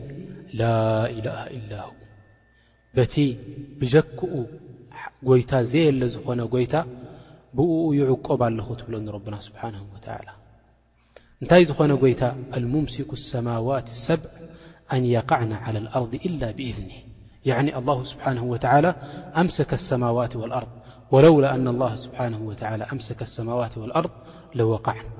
ያኒ ኣላሁ ስብሓነሁ ወተዓላ ሰ ማዋት እዘን ኩለን ሰማይ እዘን ኩለን መሬት ረቢ ስብሓነሁ ወተዓላ እንተዘይሕዘን ነይሩ ኩለን እንታይ ምኾና ነይረን ማለት ነንሕድሕደን ምተጋጨዋ ነንሕድሕደን እንታይ ምኾና ምተሃራረማ ምፈረሳ ነይረን ማለት እዩ ላኪን ኣላሁ ስብሓነሁ ወተዓላ ንኹለን ሒዝዎን ዘሎ ጎይታ ዓዚም ዝኾነ ጎይታ ማለት እዩ ረብና ስብሓነሁ ወተዓላ እዚ ኩሉ እዚ እንታይ ኢኻ ትገብር ዘለኻ ሞጎስ ትገብረሉ ኣለኻ ንረብና ስብሓንሁ ወተላ ሕጂ እንታይ ትብል ኣለኻ ናብ ምንታይ ኢኻ ትምለስ ዘለኻ ናፍታ እስትዓዛ ኢኻ ትምለስ ዘለኻ ናፍታ ኣዑዙ ምን ሸሪ ዓብዲካ ፍላን ካብ ባርያ ካብቲ ናትካ ባርያ ካብቲ ሸሪ ናይቲ ባርያ ናትካ ፉላን ወዲ ፉላን እከለ ወዲ እከለ ካብኡሲ ኣድሕነኒ ካብኡ ኣዕቁበኒ ትብሎ ንረብና ስብሓነሁ ወተዓላ ከምኡ ውን ካብ ምንታይ ጁኑድ ናቱ ካብቶም ሰራዊት ናቱ ካብቶም ወተሃደራት ናቱ ካብኡም ኣድሕነኒ ካብቶም ተኸተልቲ ናቱ ዝኾኑ ሰባት ኣድሕነኒ ካብቶም ሓገዝቲ ናቱ ዝኾኑ ሰባት ካብኣቶም ኣድሕነኒ ትብሎ ንረብና ስብሓነሁ ወተዓላ እዞም ኩሎም እዚኣቶም ናቱ ጅኑድ ናቱ ሰራዊት ናቱ ናቱ ወተሃደራት ናቱ ከምኡ ውን ቶም ተኸተልቲ ናቱ ቶም ሓገዝቲ ናቱ ሰዋእን ደቂ ሰባት ይኹኑ ሰዋእን ኣጅናን ይኹኑ ካብ ኩሎም እዚኣቶም ኣዕቁበኒ ናባኻ ትብሎ ንረብና ስብሓንሁ ወተላ እንታይ ትብል ኣላሁማ ኩን ሊ ጃራን ምን ሸርህም እንታ ጎይታይ ኣዕቋቢ ኹነኒ ንዓይ ትብሎ ካብቲ ናቶም ሸሪ ጀለ ሰናኡክ ያዕኒ ንረቢ ስብሓነሁ ወተዓላ እቲ ሞገስ ናቱ ተልዕሎ ኣለኻ ማለት እዩ ምጉስ ዝኾንካ ጎይታ ትብሎ ንረብና ስብሓነሁ ወተዓላ ወዓዘ ጃሩክ ከምኡ ውን ያዕኒ ንስኻ ዘዕቆብካዮ ሓያል ኩሉ እንታይ እዩ ማለት እዩ ክቡር እዩ ሓያል እዩ ክቐርቦ ድኽእል ወላ ሓደ የለን ትብሎ ንረብና ስብሓነሁ ወተዓላ ተባረከ ስሙክ ያኒ ተባረከ ስሙ ከሱረ ኸይሩሁ ያኒ ኸይር ናቱ ዝበዝሐ ዝኾነ ሽም ናትካ ትብሎ ንረብና ስብሓነሁ ወተዓላ ያኒ ትምጉሶ ኣለኻ ንረብና ስብሓነሁ ወተዓላ ማለት እዩ ወላ ኢላሃ ኸይሩክ ኣይ ላ ማዕቡዳ ኸይሩካ ስብሓነከ ወተዓለይት እዚኣ ሰለስተ ግዜ እንድሕር ዳኣልካያ እቲ ፀላእቲ ናትካ እንታይ ክገብሩካ ኣይክእሉን እዮም ናባኻ ገፆም ክቐርቡ ኣይክእሉን እዮም ማለት እዮም ከምኡ ውን ፀላእቲ ናትካ ድሕር ኣ ዱዓ ክትገብረሎም ደሊኻ መርገም ማለት እዩ ዓ ኣብ ትግርኛ ዳርጋ ፍልል የብሉን ኣብ ዓረብ እንታይ እዮም ትብሉ ድብሉ ደዓ ዓለይህ ኣው ደዓ ለሁ ደዓ ለሁ ንዕኡ ዱዓ ገይሩሉ ንፅቡቕ ነገር ማለት እዩ ደዓ ዓለይህ ክትብል ከለኻ ላኪን መርገም ትገብረሉ ኣለኻ ማለት እዩ ስለዚ እንቶም ፀላእቲ ናትካ መርገም ክትገብረሎም ኮለኻ ዱዓ ክትገብረሎም ኮለኻ ረቢ ስብሓን ወተዓላ ከህልኮም ከምዚ ዓይነት ዱዓ ልካ ድማ ትገብር ኣላሁማ ሙንዝለ ልክታብ ሰሪዕ ልሒሳብ እህዝመ ልኣሕዛብ ኣላሁማ ህዝምሁም ወዘልዝልሁም እዚ ነቶም ፀላእቲ ናትካ ዝግበር ዱዓ ማለት እዩ እንታይ ትብል ኣላሁመ ሙንዝለ ልክታብ ኣንታ ጎይታይ ንዚ ኩሉ ክታብ ናትካ ዘውረድካዮ ድኾንካ ጎይታ ትብሎ ንረብና ስብሓን ወላ እቲ ክቱብ ናቱ ዘውረደ ዝኾነ ጎይታ ብእኡ ትኣምን ኣለኻ ማለት እዩ ሰሪዕ ልሒሳብ ኣላ ስብሓን ወላ ሰሪዕ ልሒሳብ ክንደይ ፍጡራት ኣለዉ ክንደይ መላይን ፍጡራት ኣለዉ ናይ ረቢ ስብሓን ወተዓላ እዞም ኩሎም እዚኣቶም ተግባርናቶም ይፈልጥ ረብና ስብሓን ወተላ እዞም ኩሎም ሰባት እዚኣቶም እንታይ ይገብሩ ኣለዉ እንታይ ይሓስቡ ኣለዉ እንታይ ኩሉ ይፈልጥ ረብና ስብሓን ወተላ ሓደ ሓደ ሰዋእን ደቂ ሰባት ይኹኑ ሰዋእን ኣጅናን ይኹኑ ናይዚ ኩሉ ፈላጥ ዝኾነ ጎይታ ረብና ስብሓን ወተዓላ እሞ ከዓ ፉላን እንድሕር ድኣ ዘንቢ ገይሩ ከመይ ገይሩ ይሓስቦ ረብና ስብሓን ወተዓላ ፉላን እንድሕር ድኣ ፅቡቕ ገይሩ ከመይ ገይሩ ይሓስቦ ረብና ስብሓን ወተዓላ ናይዚ ኩሉ ፍጥረት እዚ እኽትላጥ ዘይገብረሉ ድኾነ ጎይታ ረብና ስብሓን ወተዓላ እሞ ከዓ ንኹሎም ኣብ ሓፂር እዋን ብቕልጡፍ ድኾነ ሕሳብ ድገብር ዝኾነ ጎይታ ማለት እዩ ኣላሁ ኣክበር የኽዋን ሓደ ሰብ እንድሕር ደኣ ወልላ ልመሰሉ ኣዕላ ሓደ ሰብ ሙዲር እንድሕር ደኣ ኮይኑ ንደቂ ሰባት ስራሕ ምስ ሰርሑሉ ኣብ ወርሒ ኣብ ሓንቲ ወቕቲ ንኹሎም እንታይ ክገብሮም ኣይክእልን እዩ ንኹሎም ደሞዞም ወይ ድማ ነቲ ድማ ዓላዋ ናቱ ክህቦ ኦቨርታይም ዝሰረሖ ቦናስ ናቱ ዝሰረሖ ገለ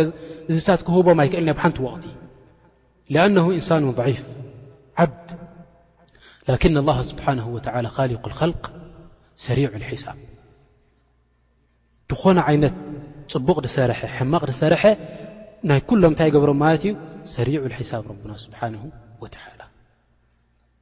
ከምዚ ኢልካ ትምጉሶ ኣለኻ ንረቡና ስብሓን ወተላ እህዝመል ኣሕዛብ እዞም ኣሕዛብ እዞም ፀላእቲ ተኣኪቦም መፂኦም ዘለዉ ንዓኣቶም እንታይ ግበሮም ንዓኣቶም ሲ ኣሸንፎም ትብሎ ማለት እዩ ማህዙሚን ግበሮም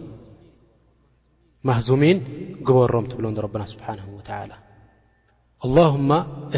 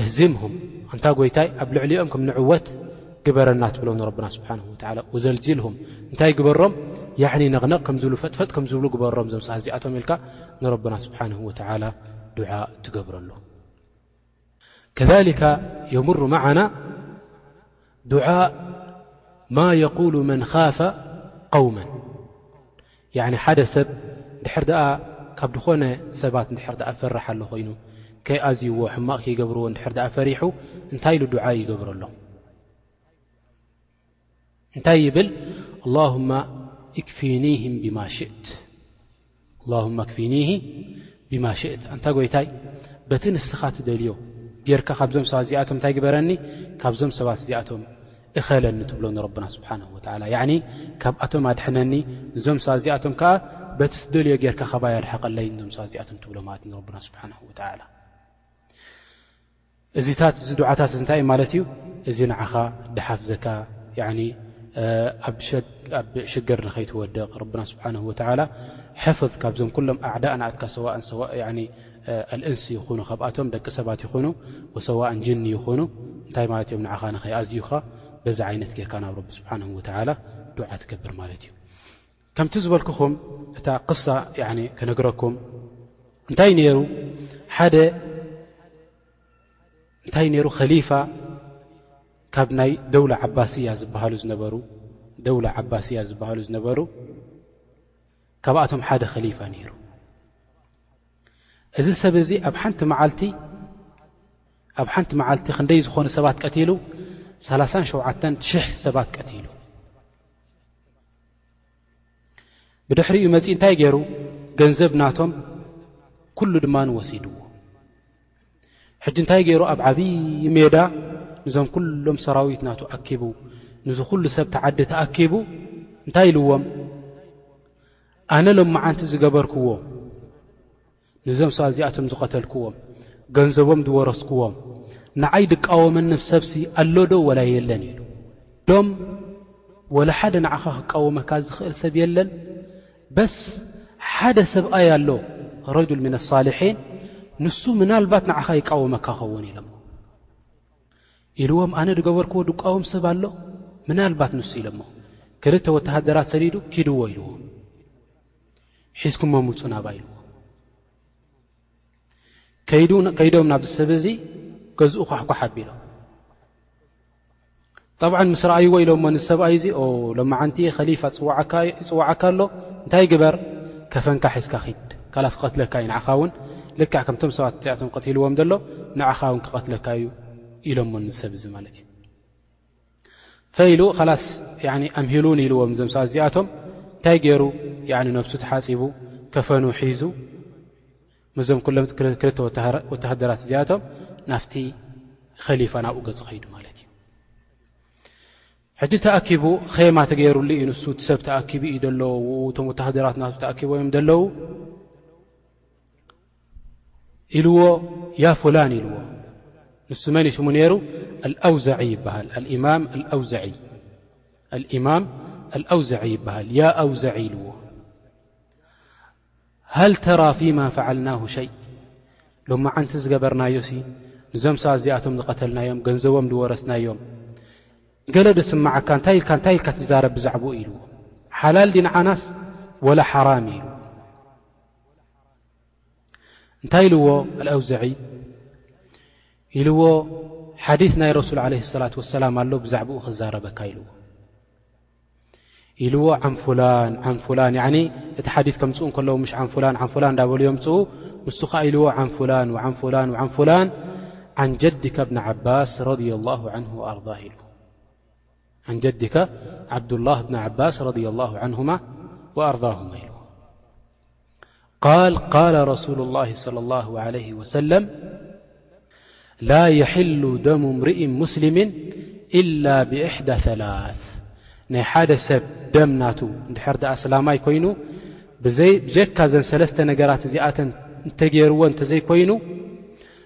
ደሙስ ጠቕላላ ንዓኻ ሓላል ኣይኮነካን እዩ ኢሎም ኣነቢ ዓለህ ሰላት ወሰላም ይብሎ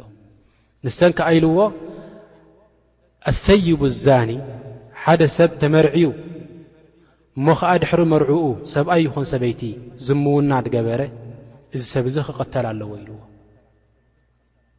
ከሊካ ወነፍሱ ብነፍሲ ኢልዎ ሓደ ሰብ ነፍሲ ዝቐተለ ነፍሱ ክትቀተል ኣለዋ ኢልዎ ወታሪኩ ልዲን ሙፋሪኩ ልልጀማዓ ሓደ ሰብ ከዓ ዲኑ ዝገደፈ ካብቶም ጀማዓ ዝረሓቀ ካብ ሙስልሚን ዝረሓቀ ኣነ ዲነይ ገዲፈ እየ ዝበለ ሰብ ማለት እዩ እዞም ሰለስተ ሰባት እዚኣቶም ንሶም እዮም ዶም ናቶም ሓላል ክኾነካ ድኽእል ኢልዎ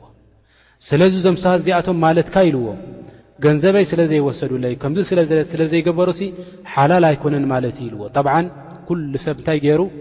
ክዳውንቶም ሓፍ ኣቢሎም ርእሶም ተሸፊኖም ንምንታይ ኣብ ኢዱ ሴፍ ይሒዙ ዘሎ ምእንቲ እንታይ ክገብሮ ብኡ ገይሩ ምእንቲ ክስይፎ እታ ዓባይ ነጥቢ ድደልያ ዘለኹ ኣቐዲመይ ተዛረብክዋን ንሳ ኸኣ እንታይ እያ ከፈኑ ገይሩ ክኣትው እንከሎ ናብቲ ሰብኣይ እንታይ ኢሉ ኣትዩ ኣብታ ኣፍ ደጊ ከየማናቱ ክበፅሕ እንከሎ ፍታ ናቱ ቴንዳ ክበፅሕ እንከሎ እንታይ ኢሉ ሓስቡና ላህ ወኒዕመ ልወኪል ኢሉ ሓስቡና ላህ ወኒዕመ ልወኪል ኢሉ ዳሕራይ ዝኩሉ ምስ ሓተቶ ከምዚ ገይሩ መሊስሉ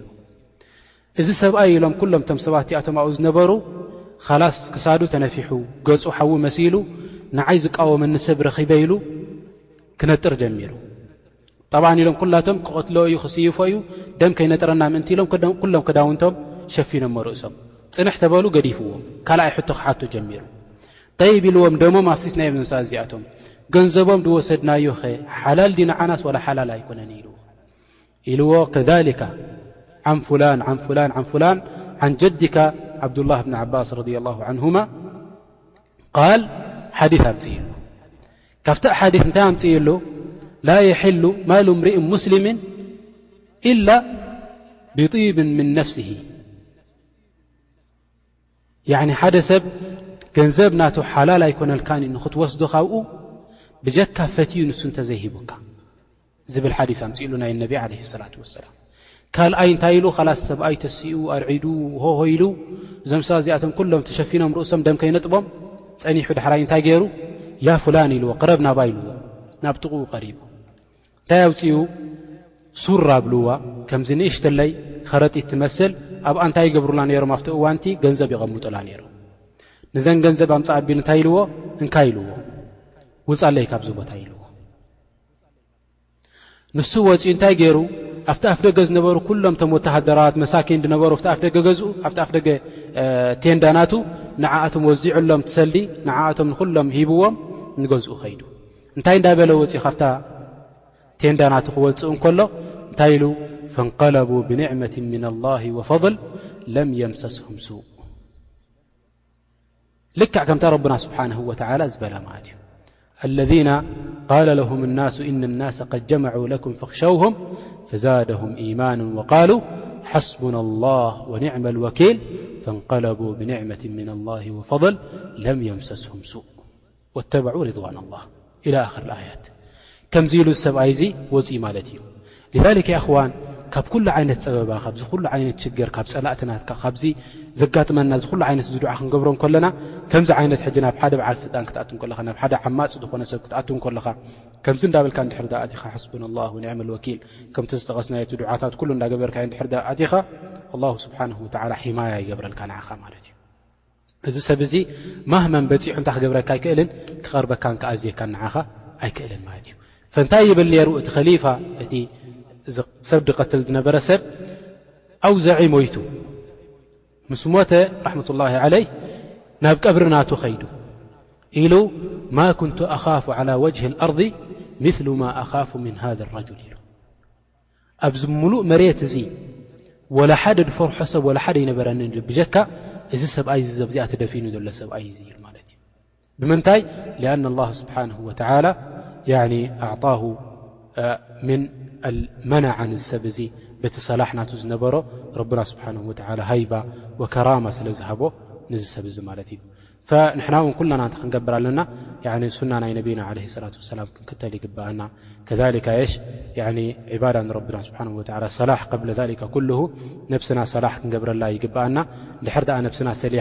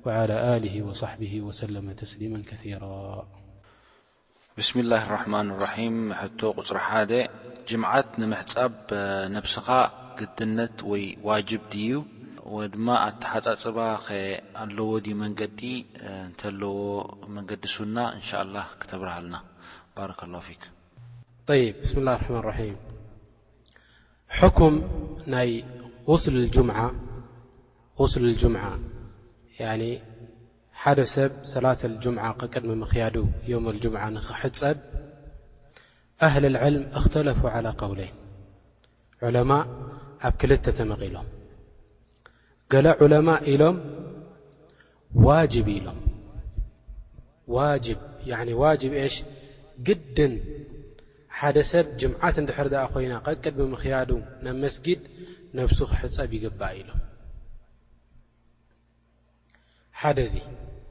ካልኣይ ዑለማእ ከኣ እንታይ ኢሎም ዋጅብ ግድን ኣይኮነን ላኪን ሱና ሙኣከዳ ኢሎም ሱና ሙኣከዳ እንታይ ማለት እዩ ነቢ ዓለ ሰላት ወሰላም ደይገደፍዎ ተግባር ኣትሪሮም ተዛረብሉ ተግባር እዩ ኢሎም ላኪን ምናልባት እንድሕር ድኣ ገዲፍዎ ሓደ ሰብ ብምግዳፉስ ኣይቅጻዕን እዩ ማለት እዩ ያኒ እንታይ ማለት እዩ ዋጅብ እንድሕር ደኣ ተባሂሉ ሓደ ሰብ እንድሕር ደኣ ተግባር እቲ ገዲፍዎ ረቢ ስብሓንሁ ወተዓላ ብእኡ ክሓስቦ እዩ ብእኡ በቲ ተግባር እቲ ምግዳፉ ወይ ነቲ ተግባር እቲ ምግዳፉ የስተሕቀ ልዕቃብ ያኒ ንኽቕጻዕሲ ግቡእነት ኣለዎ ዝሰብ እዚ ማለት እዩ ረቢ ስብሓንሁ ወተዓላ ንክቆጽዖ እታ ካልኣይቲ ሱና ሙኣከዳ ድበልናያ ከኣ ሱና ሙኣከዳ እንታይ ማለት ነቢ ዓለይሂ ሰላቱ ወሰላም ኣትሪሮም ተዛረብሉ ላኪን ኣብ መቕጻዕቲ ዘይበጽሕ ማለት እዩ ላኪን ፍቱው ዝያዳ ፍትወት ዘለዎ ኣብ ሸርዒ ማለት እዩ ኣብ ዲን ኣልእስላም ማለት እዩ ስለዚ ክልትኤን ዳርጋ እንታይ እየን ማለት እየን ዳርጋ ክልትኤን ተቐራረብቲ እየን ዘለዋ እንድሕር ደኣ ፈርዲ ኮይኑ ዋጅብ እንድሕር ደኣ ኮይኑ ግድን እዩ ንዓና ክንሕጸብ ይግባኣና ማለት እዩ እንድሕር ደኣ ሱና ሙኣከዳ ኮይኑ ከኣ ክግደፍ ደይግባእ ነገር ማለት እዩ። ልክዕ ከም ምንታይ ማለት እዩ ከምዚ ኩሉ ሻዕ ንሕና ሱነተል ፈጅር ንሰግድ፣ ሱና ናይ ዙህሪ ንሰግድ፣ ሱና ናይ መግሪብ ንሰግድ፣ ሱና ናይ ኣልዕሻ ንሰግድ፣ ከምኡ'ውን ሰላተል ዊትር ንሰግድ፣ ልክዕ እታ ምሕጻብ ነብሲ ድማ እንታይ እያ ማለት እያ? ሱና ሙኣከዳ እያ ክትተርፍ ደይግባኣ ያኒ ተግባር እያ ማለት እዩ ክትተርፍ ደይግባኣ ተግባር እያ ማለት እዩ ኣብ ክልቲኤን እንታይ ኢና ዘለና ማለት እዩ ያኒ ልዑል ደረጃ ዘለዎ ልዑል ደረጃ ዘለዎ ተግባር እዩ ኣብ እስልምና ነብስኻ ምሕፃብ ዮም ኣልጅምዓ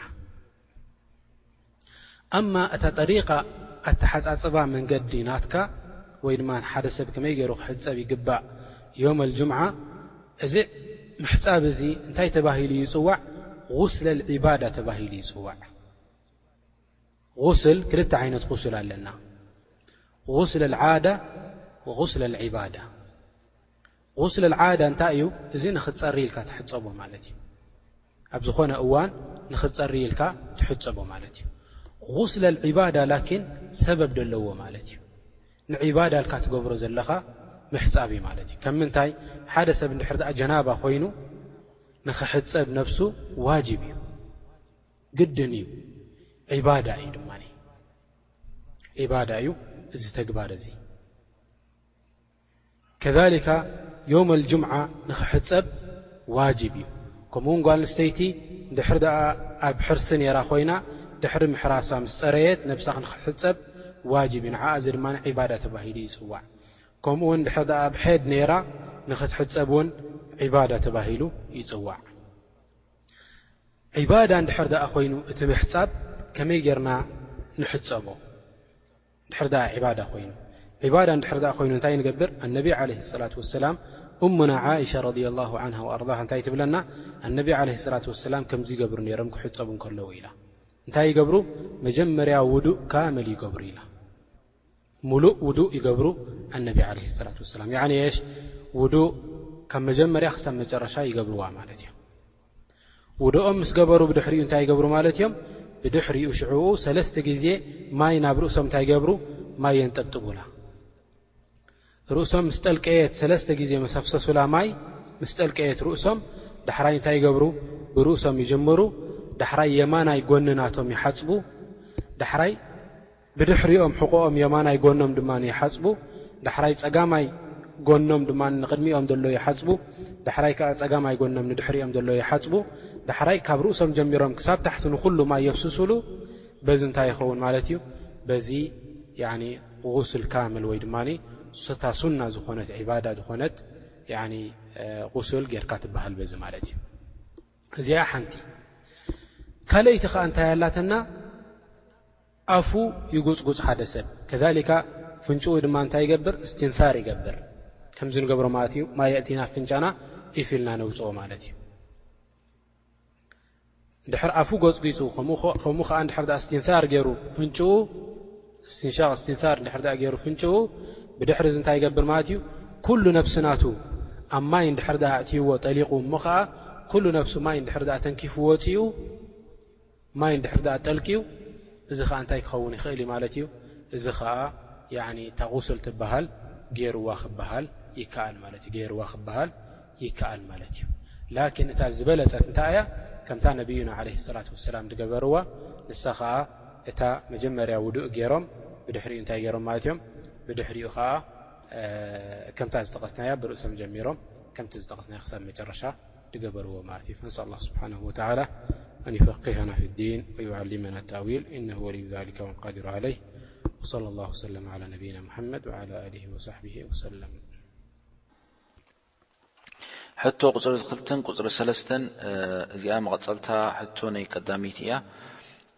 እታ ካልኣይቲ ዓይነት ኣተሓጻጽባ ዝገለጽካያ ኣፉን ኣፍንጭኡን ኣጽርዩ እሞ ነብሱ ተሓጺቡ ውድእ ከይገበረ ክሰግድ ዶ ይኽእል ምኽንያቱ ከይፈለጠ ዓውራ ናቱ ክትንክፍ ስለ ዝኽእል እሞ ዓውራ ምሓዝ ድማ ገሊኦም ዑለማእ ውድእ የፍርስ እዩ ስለ ዝበሉ እታ ካልኣይቲ ሓደ ሙሳፍር ወይ ኣብ መንገሻ ዘሎ ሰብ ኣብ ሓደ መስጊድ ኣትዩ ሰላተል መቅሪብ ክሰግዱ ካብታ ቀዳመይቲ ርኪብዎም ማለት እዩ ክሰግዱ ጸኒሖሞ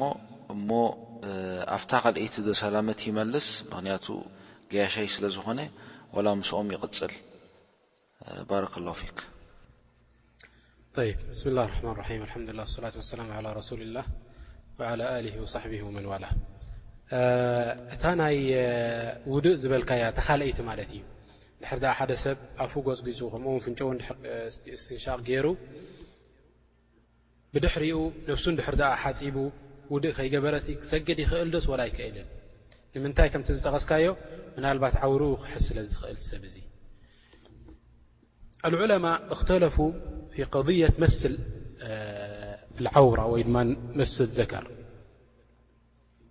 ሓደ ሰብ እንድሕር ድኣ ዓውርኡ ሒዙ ውድእ ናቱ ይበጥል ዲስ ወላ ኣይበጥልን ዑለማእ እንታይ ገይሮም ማለት እዮም ዑለማእ ያኒ ብዙሕ ዘረባ ተዛሪቦም ገሊኦም ዑለማእ ኢሎም እንድሕር ድኣ ሒዙ ዓውራ ናቱ እታ ውድእ ናቱ እንታይ ትኸውን ባጥላ ትኸውን ኢሎም ገሊኦም ከዓ ኢሎም ላ ኣይትበጥል ኢና እታ ውድእ ናቱ ኢሎም ካልኦት ዑለማእ እንታይ ኢሎም ያኒ ንኽልቲኡ ዝጥርንፍ ሓሳብ ጽቡቕ ሓሳብ ሂሞሙና እንታይ ኢሎም ሓደ ሰብ ነቲ ዓውራ ናቱ እንድሕር ደኣ ብሻህዋ ሒዝዎ ብስምዒት እንድሕር ደኣ ሒዝዎ እታ ውድእ ናቱ ትበጥል ኢሎም እንድሕር ደኣ ነብሱ እንዳተሓጸበ እንከሎ ኣብኡ እንከሎ እንዳሓጸበ እንከሎ እንድሕር ደኣ ተንኪፍዎ ላኪን እንታይ ክኸውን ኣይክእልን እዩ እታ ውድእ ናቱ ክትፈርስ ወይ ድማ ክትባላሸው ኣይትኽእልን እያ ኢሎም ማለት እዮም እዚ ኸዓ እንታይ ማለት እዩ እዚ ማእከላይ ቅኑዕ ዘረባ ብእድኒ ላሂ ስብሓንሁ ወተዓላ ንምንታይ እዚ ሰብ እዚ እንድሕር ድኣ ሻህዋ ደይብሉ ኮይኑ ንስምዒት ደይኮይኑ እንድሕር ድኣ ሒዝዎ ነቲ ዓውራ ናቱ እታ ውድእ እንታይ እያ ማለት እዩ ልክዕ ከምቲ ካልእ ኣካል ድሓዘ ማለት እዩ ከምቲ ካልእ ኣካል ነብሱ ድሓዘ እዩ ማለት እዩ ላኪን ብሻህዋ እንድሕር ድኣ ተንኪፍዎ እታ ውድእ ናቱ እንታይ ትኸውን እታ ውድእ ናቱ ትባላሾ ያኒ ከም ብሓዱሽ ውድእ ክገብር ይግባእ ወዓለይሂ እዚ ሰብ እዚ እንድሕር ድኣ እንዳተሓፀበ እንከሎ ብዘይ ሻህዋ እንድሕር ድኣ ተንኪፍዎ ወላ እቲ ተንከፎ እንታይ ማለት እዩ እታ ውድእ ናቱ ኣላ ብእኡ ገይሩ እንታይ ክገብር ይኽእል እዩ ብእኡ ገይሩ ክሰግድ ይኽእል እዩ ላኪን ተነብህ ተድልየና ማለት እዩ ደቃቕ ስለ ዝኾነ እታ ነገር እንታይ ክገብር ኣለዎ? መጀመርያ ክሕጸብ እንከሎ ወይ ድማ ኣብ መጨረሻ ኣፉን ፍንጭኡን ማይ ክኣትው ኣለዎ። ያኒ ክጉጽጉጽ ኣለዎ ኣፉ ከምኡ ውን ፍንጭኡ እንታይ ክገብር ኣለዎ? ያኒ እስትንሻቅ ወእስትንታር ክገብር ኣለዎ ማለት እዩ። እንድሕር ደኣ ከምዚ ገይሩ ያኒ እታ ውድእ ናቱ ትኽክል ትኸውን። ኣብ ምንታይ ከኣ ክኸውን ኣለዎ? ኣብ ጉስልል ዒባዳ ኣብ غስል ልዒባዳ ከምቲ ዓንተወይ ገይረ ዝጠቐስኩልኩም ማለት እዩ። ኣማ غስል ልዓዳ እንድሕር ደኣ ኮይኑ ንኽጸሪ ኢሉ ነብሱ ደገ ነይሩ ርሂጹ መጺኡ ክጻወት ነይሩ ኩዕሶ ወይ ኣብ ስራሕ ነይሩ ርሂጹ መጺኡ እንድሕር ደኣ ተኺኢሉ ኣትዩ ገዝኡ ነብሱ ተሓጺቡ ኣፉ ጎጽጊጹ ፍንጭኡ እስትንሳር ገይሩ እንታይ ክትከውን ኣይትኽእልን እያ እዚኣ ውድእ ክትከውን ኣይትኽእልን እያ እዚኣ ውድእ ክትከውን ኣይትኽእልን እያ ንምንታይ እታ ምሕጻብ ናቱ እንታይ ስለ ዝኾነት ናይ ዓዳ ምሕፃብ ስለ ዝኾነት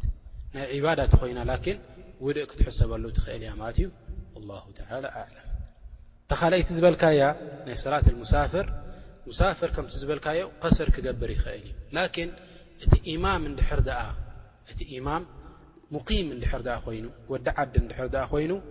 እቲ ሙሳፍር እንታይ ክገብር ኣለዎ እቲ ሙሳፍር ነቲ ሙቂም ክኽተል ኣለዎ እንድሕር ደኣ ሰላት ኣልመግሪብ ሰላት ኣልመግሪብ ኣስለን እታ ምሳለ እታ ዘምጻእካያ ማለት እዩ ሰላት ኣልመግሪብ እንታይ የብላን ቀስር የብላን እተን ቀስር ትግበረለን እንታይ እየን ዙህርን ዓስርን ኣልዕሻን እየን ኣብዘን ሰለስተአን እዚኣተን ድሕር ድኣ ዙህሪ ኣርባዕተ ድሕር ድኣ ሰጊዱ እቲ ኢማም ምስ ኡርባዕተ ክሰግድ ኣለዎ ዓስሪ ኣርባዕተ ተሰጊዱ ምስኡ ኣርባዕተ ክሰግድ ኣለዎ ኣልዕሻ ኣርባዕተ ተሰጊዱ ኣርባዕተ ምስኡ ክሰግድ ኣለዎ ኢላ ዓክስ ናታ እንድሕር ድኣ ኮይና ዓክስ ናታ እንታይ ማለት እዩ እቲ ኢማም እንድሕር ድኣ እቲ ሙሳፍር ኮይኑ ንሱ እንድሕር የስግዶም ኣሎ ንሱ እንታይ ክገብር ይኽእል እዩ ንሱ ቀስር ገይሩ ክሰግድ ይኽእል እዩ ክልተ ረክዓ ክሰግድ ይኽእል እዩ ዳሕራይ እቶም እቶም ሙቂሚን ዝኾኑ እቶም ደቂ ዓዲ ዝኾኑ እንታይ ይገብሩ ንሳቶም ይትስኡ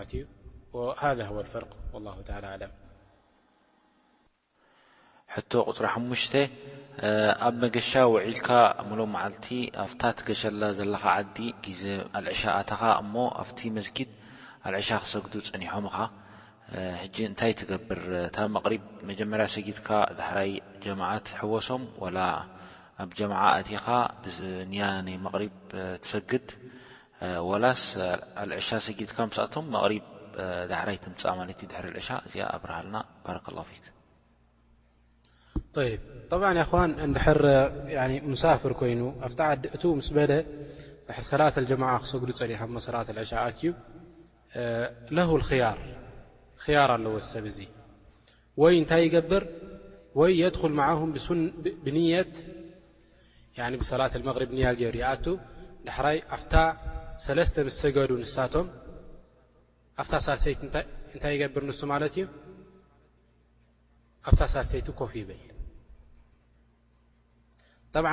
እንድሕር ደኣ እንሳን ኣብ ፍቅህ ብዙሕ እንተ ሽሙ ደይብሉ ኮይኑዎ ክስታይ ክገብር እዩ ንዓኣቶም ክለኻብጦም እዩ ቶም ሰባት እቲኣቶም ከምኡ ዝገብር ዘሎ ድሓሸት እንታይ ክገብር ይግባእ ማለት እዩ? ንበይኑ ይሰግድ ስራተል መቕሪብ ወይ ከኣ ምስኣቶም ብንየት ዕሻ ይኣቱ ምስኣቶም ብንየት ዕሻ ይኣቱ ሰላተል ዕሻ ይሰግዳ ዳሕራይ እንታይ ይገብር ዳሕራይ ሰላተል መቕሪብ ምስ ሰገደ ንምንታይ እታ ጀማዓ ምእንቲ ከይትሓልፎ ዝሰብ እዚ ማለት እዩ ጀማዓ ምእንቲ ከይትሓልፎ ፈንታይ ይገብር ሰላት ዕሻ ምስኣቶም ይሰግድ ዳሕራይ ምስኣቶም ምስ ወደአ ሰላተል መቕሪብ ንበይኑ ይሰግዳ ወይ ከኣ እንታይ ይገብር ንበይኑ ሰላት ኣልመግሪብ ይሰግድ ዳሕራይ ናብኣቶም ይኸይድ እንተርከቦም ኣርከቦም እንተዘየርከቦም ከኣ እንታይ ይገብር ማለት እዩ እንተዘየርከቦም ከኣ ሰላት ኣልዕሻ ናቱ ንበይኑ ይሰግዳ ማለት እዩ ከደግማ ሊኣኑ ሙረተባ ስለ ዘይነበረት እንታይ ይገብር ለሁ ልክያር ወይ ሰላት ኣልመግሪብ ንበይኑ ሰጊዱ ንዓኣቶም ሰላት ኣልዕሻ ከይዱ የርክቦም፣ እንተርከቦም ኣርከቦም እንተዘየርከቦም ከኣ ንበይኑ ክሰግድ ወይ ምስቶም ዘለዉ ሰባት ምስኡ ኮይኑ ክሰግድ ማለት እዩ። ወይ ከኣ ብንየት ሰላት ኣልዕሻ ይኣቱ ምስኣቶም ሰላት ኣልዕሻ ሰጊዱ ሰላት ኣልዕሻ ሰጊዱ ዳሕራይ ሰላት ኣልመግሪብ ብድሕሪ ሰላት ኣልዕሻ ይሰግዳ ማለት እዩ ብድሕሪ ሰላት ኣልዕሻ ይሰግዳ ማለት እዩ ንምንታይ ያኒ ምእንቲ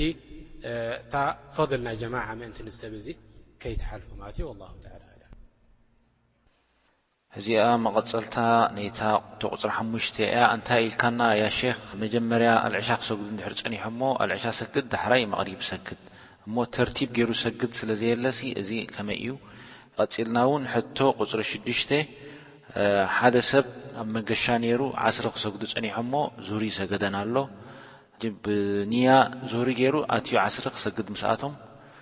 ሰጊዱ በስ ዳሕራይ እንታይ ጌሩ ካልኦት ጀማዓ ረኺቡ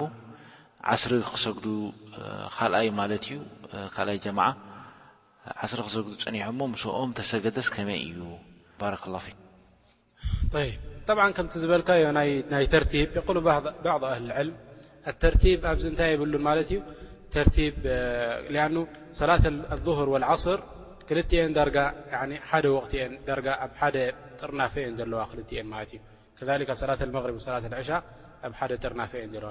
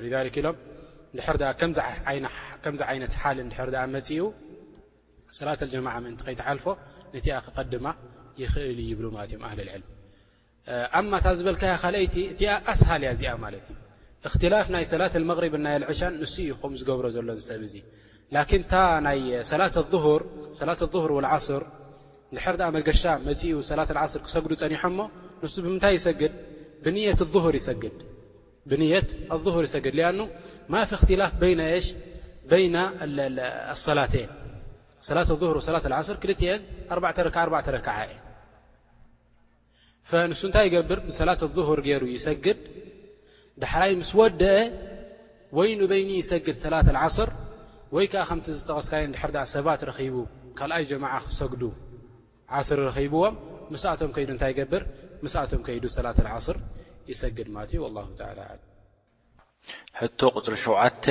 ኣብ ገሊኡ መሳጊድ እታ ቀዳመይቲ ጀማዓ ምስ ሓለፈት፣ መስ ተሰገደት ማለት እዩ፣ ካልኣይ ጀማዓ ድሕሪኦም ሰግዱ መሊሶም ድማ ሳልሳይ ጀማዓ ሰግዱ፣ እዚ ኣብ ዲን ኣልእስላም ይፍቀድ ድዩ እዚኣ ኣብርሃልና ባረከላሁ ፊክ ያ ሸኽ። ጀሚል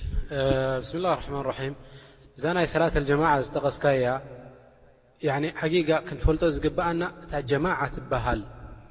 እቲ ኣብ ሓዲት መጺኡ ዘሎ ኩሉ እንታይ እዩ ማለት እዩ ኣይነይቲ ጀማዓ እታ ቀዳመይቲ ጀማዓ እያ እታ እቲ ኢማም ዝሰግዳ ያኒ ኣዛን ገይሩ ዳሕራይ ተጸቢኻ ምስኡ ኢቃማ ገይሩ ምስኡ ትሰግዳ ሰላት እታ ቀዳመይቲ ጀማዓ ንሳ እያ እታ ጀማዓ ትበሃል ላኪን እዛ ጀማዓ እዚኣ እንድሕር ድኣ ሓሊፋትካ ሃል ብድሕሪኡ ጀማዓ ክትገብር ትኽእል ዶ ስለ ዝሓለፈትካ ወላስ ኣይትኽእልን ድብል ሕቶ ይመጽእ እንታይ ኢሎም ዑለማ ኣብዚ ገሊኦም ዑለማ ኢሎም ላ እንድሕር ድኣ ሓሊፋ እታ ሰላት ኣልጀማዓ ገዛኻ ክትከይድ ኣለካ ክትምለስ ኣለካ ደቅኻን ኣንስትኻን ኣኪብካ እንታይ ትገብር ሰላት ኣልጀማዓ ብ ገዛኻ ኮንካ ትሰግድ ኢሎም ኣብቲ መስጊድ ጀማዓ ካልኣይ ክትገብር የብልካን ኢሎም ገሊኦም ዑለማእ ከኣ ኢሎም ላእ እንታይ ክትገብር ትኽእል ኢኻ ድር ሓፉካ ሰላት ሰላት ኣልጀማዓ ሓደ ሰብ ንዓኻ እንታይ ክገብረልካ ይኽእል እዩ ተሰዱቕ ክገብረልካ ይኽእል እዩ ወይ ከዓ ደይሰገደ ሰብ ምሳኻ መፅኡ ድማ ንክሰግድ ይኽእል እዩ ካልኣይ ጀማዓ ምእንቲ ምሳኻ ንክሰግድ ኢሎም ማለት እዮም ካልኣይ ጀማዓ ምእንቲ ምሳኻ ክትሰግድ ኢሎም ማለት እዮም ፈቢታሊ ያን ሊዩዕለም እታ ዝበልናያ መጀመርያ ማለት እዩ እታ ሰላት ኣልጀማዓ ትበሃል እታ ቀዳመይቲ እያ እታ ሰላት ኣልጀማዓ ትበሃል እታ ቀዳመይቲ እያ ላኪን እቲ ዘሎ እንታይ እዩ ንስኻ ምእንቲ ከይቲ ሰላትካ ውሕድቲ ከይትኸውን ናብ ረቢ ስብሓንሁ ወተዓላ ንበይንኻ ንኸይትሰግድ ምእንቲ ይፍቀዶ ብድሕሪኡስ ኣይፍቀድን ድብል ሓሳብ እዩ እቲ ብድሕሪኡ መፅኡ ዘሎ ማለት እዩ ፈንስ ኣላ ስብሓን ወተዓላ ኣን የጅዓለና ሙተሳብቂና ኢለ ልር ናብቲ ር ናብቲ ሰላት ናብቲ ከምዚ